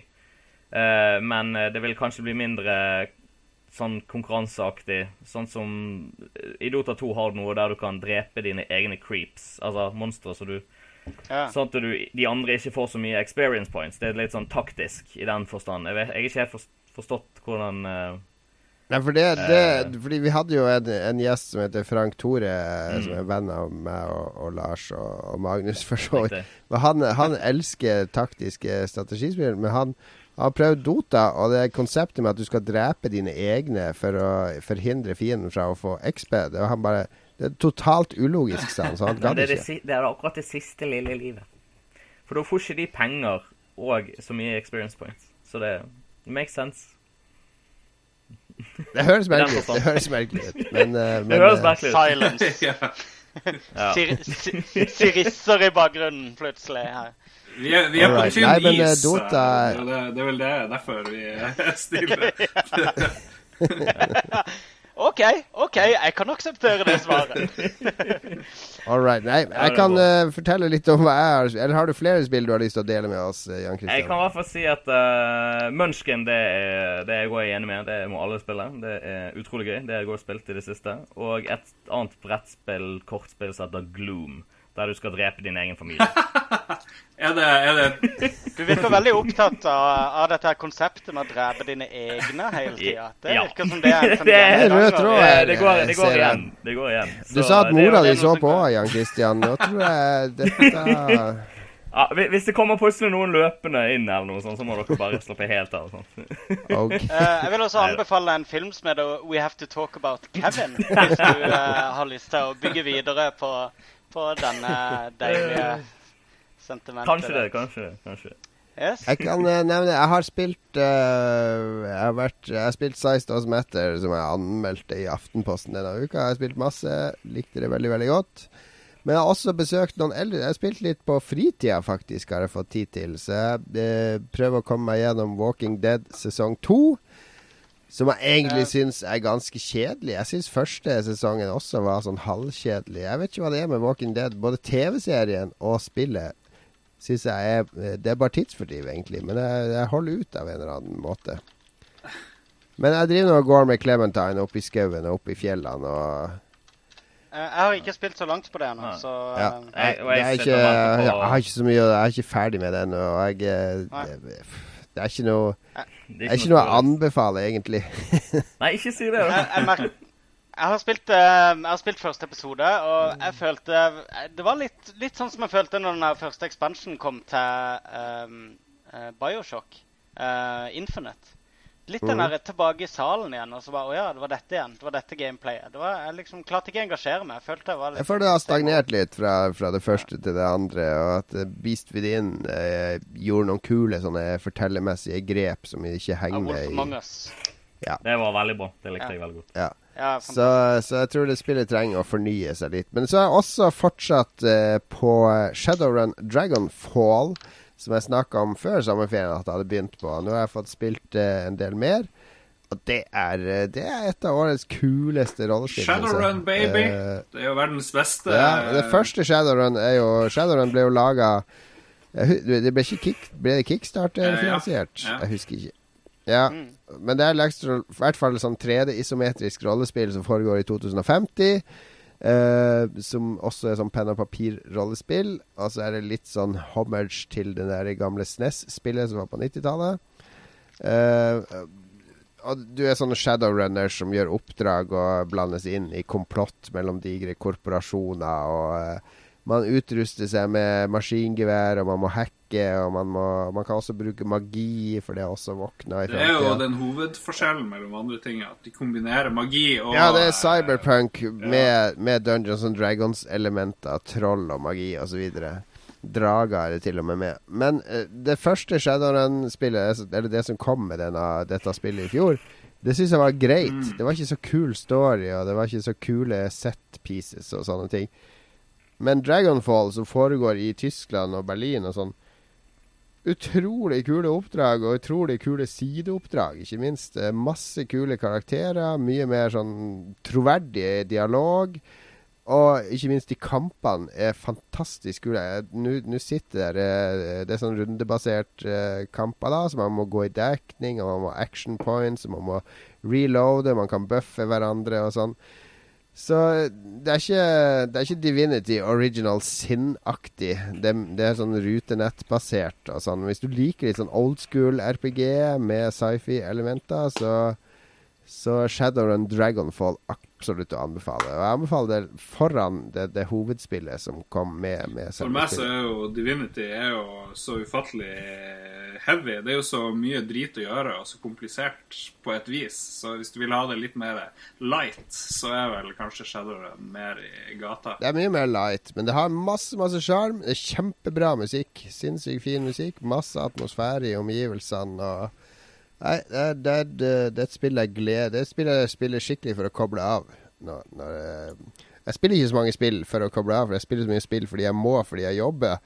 Men Shadow and Dragonfall det er sånn spill jeg kan uh, drikke litt whisky og ha litt uh, Red Crew Nights-stemning foran PC-en min mens jeg spiller. Bruke mye penger og ja, ja, ja. Litt hore og Shadowrun og Jack! Jeg har spydd! ja. Men uh, hadde det ikke egna seg for konsoll, det spillet? Jo, det hadde gått helt fint på konsoll. Det blir litt som XCOM uh, i kampsystemet og sånn. Mm. Ja, men uh, det er ikke noen planer om det, er det det? Tror ikke det. Jo, da, det er jo Det blir det er jo, eksklusivt, det òg. Det blir Xbox One eksklusivt, ja. Nei, men det er jo indie Eller det er ikke indie, men det er jo lite team og kickstarter-finansiert og alt mulig sånn, så det er ikke Det blir ikke noe salgssuksess om de tar det over på konsoll, fordi det er ikke megaproff presentasjon. Det er ikke cutscenes, og det er ikke Det er ingenting som, som fenger. Men det er et hardcore, uh, kult rollespill med fokus på det som er viktig. Ja, for det ser veldig, veldig fett ut. Det gjør det. Du da, Magnus. Du er inne på Diablo 3-kjøret. Ja, jeg er i gang igjen. Det var litt kult. Har, For det kommer jo nå på um, PS4 det, og Xbox. Kom denne uka eller neste uke? Denne. Ja, det kom vel Ja, denne uka. Det kom vel i, I går, dag. gjorde det ikke det? I dag i I går. dag? Jeg tror Ja. det var i dag eller i går. Um, og jeg fikk det på PS4 uh, nå uh, nylig. Og, uh, ja, dette er versjonen spilt, med den eh, Reaper of Souls-utvidelsen, så det er en ny klasse og mer lut og alt mulig. Riktig. Og uh, jeg hadde jo det originale spillet hadde jeg på Xbox 360. Og jeg har spilt Jeg har runda det en gang eller to med noen character der og noe sånt. Alene, Så, da? Eller eh, i co-op? Uh, for det meste alene, litt i coop.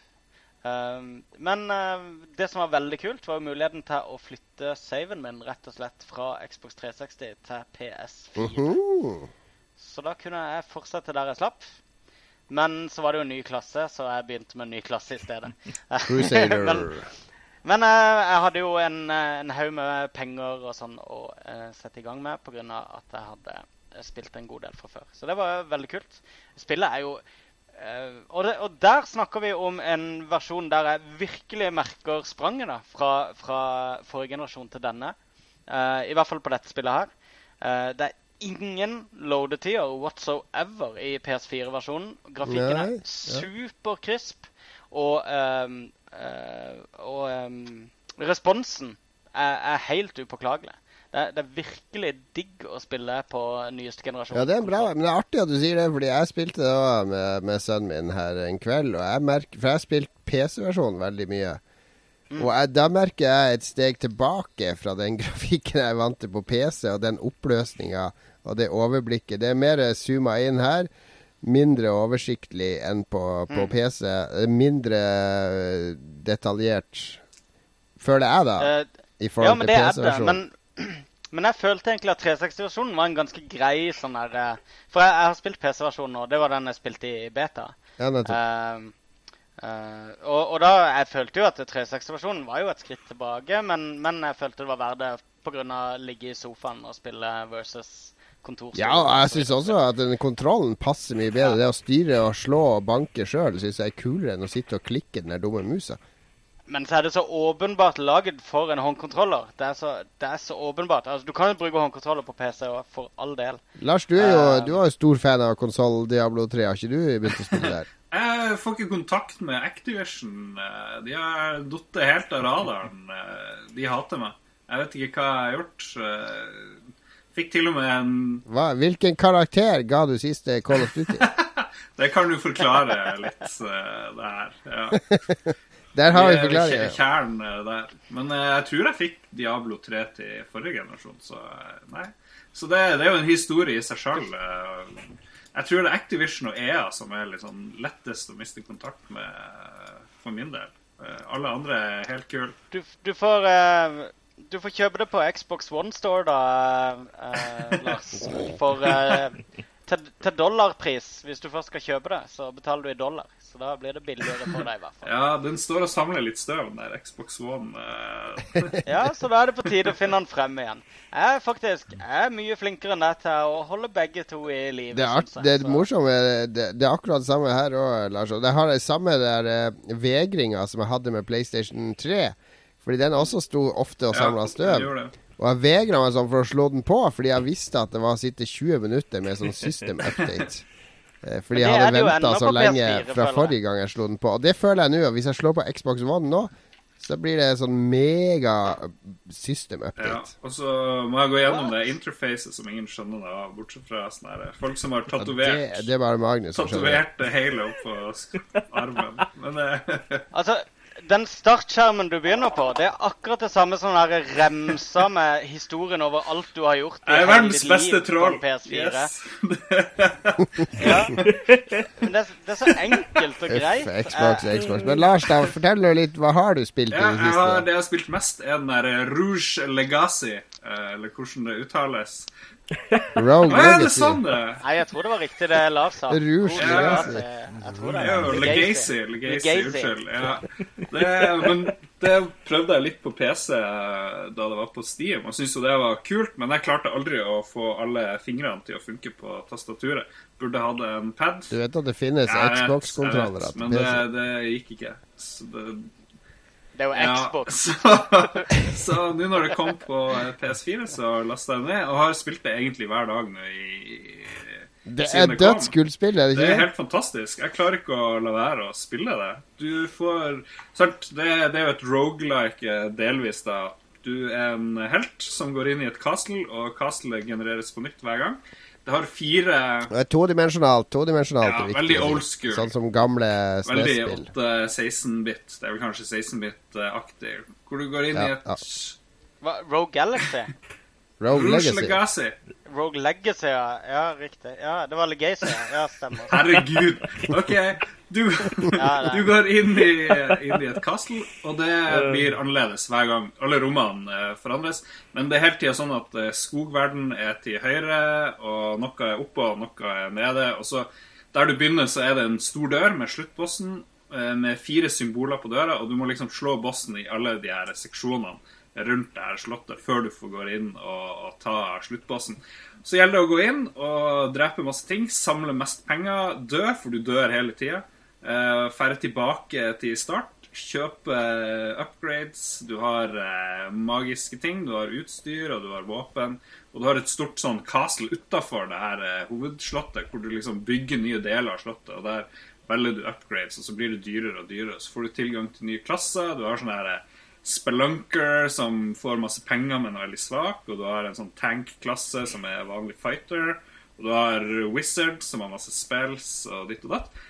Men liksom greia er å gå inn og ut av det her jævla infiserte slottet. Og det blir random-generert vei. Ja. Du, du glemte jo Et nøkkelpoeng er jo nemlig det her legacy-greia di. Eh, At hver gang du dør, så dør du jo. Så det er jo eh, ditt avkom som overtar Ja. Og da må du velge mellom én av tre eh, barn du Mm. fikk. Og de barna, det kan være alt fra en lesbisk dverg til en eh, en skalla hypokonder til Og de har sånne effekter som påvirker gameplayet. Altså hvis, er, hvis jeg husker rett, så var det hvis du var hypokonder, så hver gang du tar skade, så står det sånn Å nei, jeg tar 5000 i skade og 10 000, mens du egentlig bare tar litt. Ja, det er fantastisk. du får sånn feil skadeangivning. Ja, Så kan du bli dyslektiker, så du klarer ikke å lese så godt det som står. Og du kan være nærsynt, og du kan være bare si svart-hvitt. Og så kan du bli sånn kjempe Ja, og alle de der eh, eh, handikappene, de påvirker skjermbildet for deg, da. Ja, jo, det er Så veldig bra. det Men det påvirker eh, jo også gameplay litt, for du kan bli dverg, og da kan du komme inn i sånne skjulte hulrom som er her og der, eller du kan bli gigant. Eh, Så du blir kjempe, kjempestor og veldig lett å bli truffet, men så får du også et gigantisk sverd, så du får sånn sinnssyk reach. Ja, ja, ja. ja det er kjempeartig konsept. Det er, det, det er prototypen på kult Ja, nei, indie-spillkonsept. så det har jeg bare ikke klart å slutte å spille. Og Mats som bor her, han er jo ekspert i det så han driver og guider meg gjennom det her. Så vi driver og bygger Vi velger bare de rette tingene. Så tips, bare ta sånn Kjøp masse blood equipment, for da suger du liv ut av fiendene du eh, dreper. Og det, det hjelper, hjelper bra. Um, og så har jeg spilt det der, eh, den demoen som kom under Gamescom til den nye Silent Hill, som heter PT. Som vel PT, PT. som står vel for Playable PT. Test, eller noe sånt. Ja, Teaser. Playable Teaser. Og det er ufattelig skummelt. Og det er veldig random. Det er litt frustrerende, fordi du går bare inn i et hus, og så må du liksom gå i de samme gangene om og om igjen, og så forandres det litt hver gang du går her og der og triggerer en slags events. Og det er utrolig skummelt. Det, jeg har ikke spilt noe så skummelt på ganske lenge, og jeg kunne kun spille det fordi jeg hadde noen i samme rom, liksom, så vi kunne dele frykten. Men det er gratis, i hvert fall på PlayStation 4, og ser bra ut. Lagd av han Kojima og eh, han der jævla som regisserte Gilmero del Toro. Benicio del Toro. Og eh, det funker bra. Gleder meg til hovedspillet, selv om jeg sikkert ikke kommer til å spille det. Hvis ikke jeg får noen til å være sammen med meg. Ja, men jeg tror i hovedspillene har de ikke planlagt at det skal bli sånn spillføljetong. Altså noe sånn småspill delt opp i ja, et eller annet. Jeg tror de skulle, de skulle ha Silent Hills, tror jeg de Ja, kaller det. det kan godt hende. Det, denne demoen funker veldig bra. da. Ja, den demoen var kjempegul. Jeg spilte den foran uh, Nå må ikke ringe politiet her. Hadde to 13-åringer i huset her, så, skulle, så satt med PlayStation og spilte Call of Duty Ghost. Ghost er 16-årsgrense, så det går bra. Men så skulle jeg prøve det PT og si at nå skal jeg prøve noe skummelt her. Ja, ja, ja, ja, ja, det er ikke noe skummelt. Men de satt der og så på, og de syntes det var litt guffent med alle kakerlakker og lys som blinka. Og, så skummelt var det ikke, for de måtte jo tøffe seg. De er jo begynt på ungdomsskolen. Men kom så- dere gjennom hele greia? For det skal avsluttes med en, en trailer for eh, Silent Hill. Nei, jeg, sta- jeg tror jeg stoppa egentlig før det ble for skummelt, for jeg så at de ble egentlig litt redd. og Jeg orka ikke å få noen telefon fra mora til han som var på besøk, så Ja, Jon Cato, det var vel egentlig du som ble redd. Må du bare innse. Ja, riktig.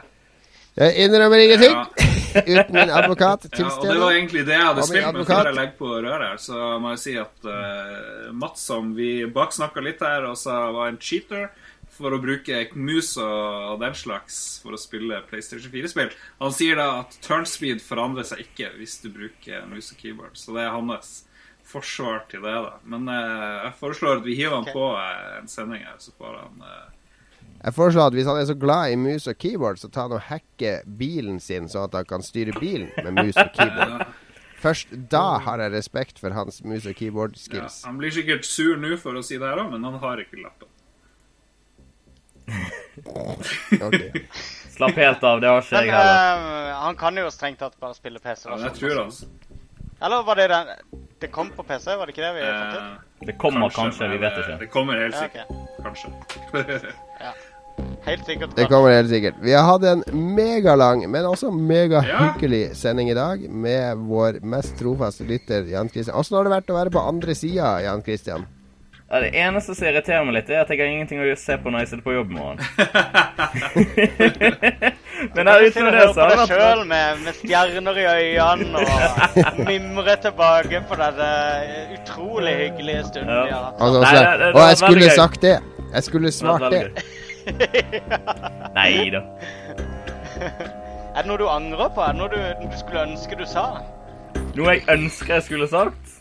Ja? Nei, Jeg skulle ønske jeg kunne delt litt mer om Oldboy og andre ting, men uh, så jeg vet om andre spill, men uh, dessverre. Vi lover at du skal bli gjest igjen så snart Oldboy er lansert. det kan fort bli 2020, men uh, da har du et insentiv til å piske D-pad-gutta litt for å få det spillet ut. Ja, ja. Pisker de hele tiden. Det er bra. Nei, men Det har i hvert fall vært veldig hyggelig å ha deg som gjest. Vi anbefaler som sagt alle våre lyttere til å sjekke ut Spillbar på YouTube. Det er Jan Christian sin, uh, sitt forsøk på å lage litt uh, spillstoff og spillsaker i videoform. Absolutt verdt å sjekke ut. Ja, eh, ja men jeg, jeg tror ikke du mente det på den måten det kom ut, eh, Jon Cato. Så er det noe feil nå. Du sa det var hans sitt forsøk på liksom å klare å skrive spillstoff. Nei, det var, jeg mente det på en positiv måte. Slapp helt Det skjønte vi. Det skjønte vi. Takk til alle som har sendt inn uh, spørsmål til oss. Takk til Rad Crew som holder ut med oss. Uh, takk til uh, Lars og Magnus og meg for at vi gidder å lage det her hver eneste uke. Følg oss på Twitter, vi at Lolbua. Eh, følg oss på Facebook. Eh, eh, hva er det? Facebook.com slash lolbua2000. Eller bare søk på Lolbua. Og send oss mail eller tweets før neste sending. Vi ses om en uke. Ha det bra. Ha det bra. Ha det bra! Har du et enkeltpersonforetak eller en liten bedrift? Da er du sikkert lei av å høre meg snakke om hvor enkelt det er med kvitteringer og bilag i fiken, så vi eh, gir oss her, vi. Fordi vi liker enkelt. Fiken superenkelt regnskap.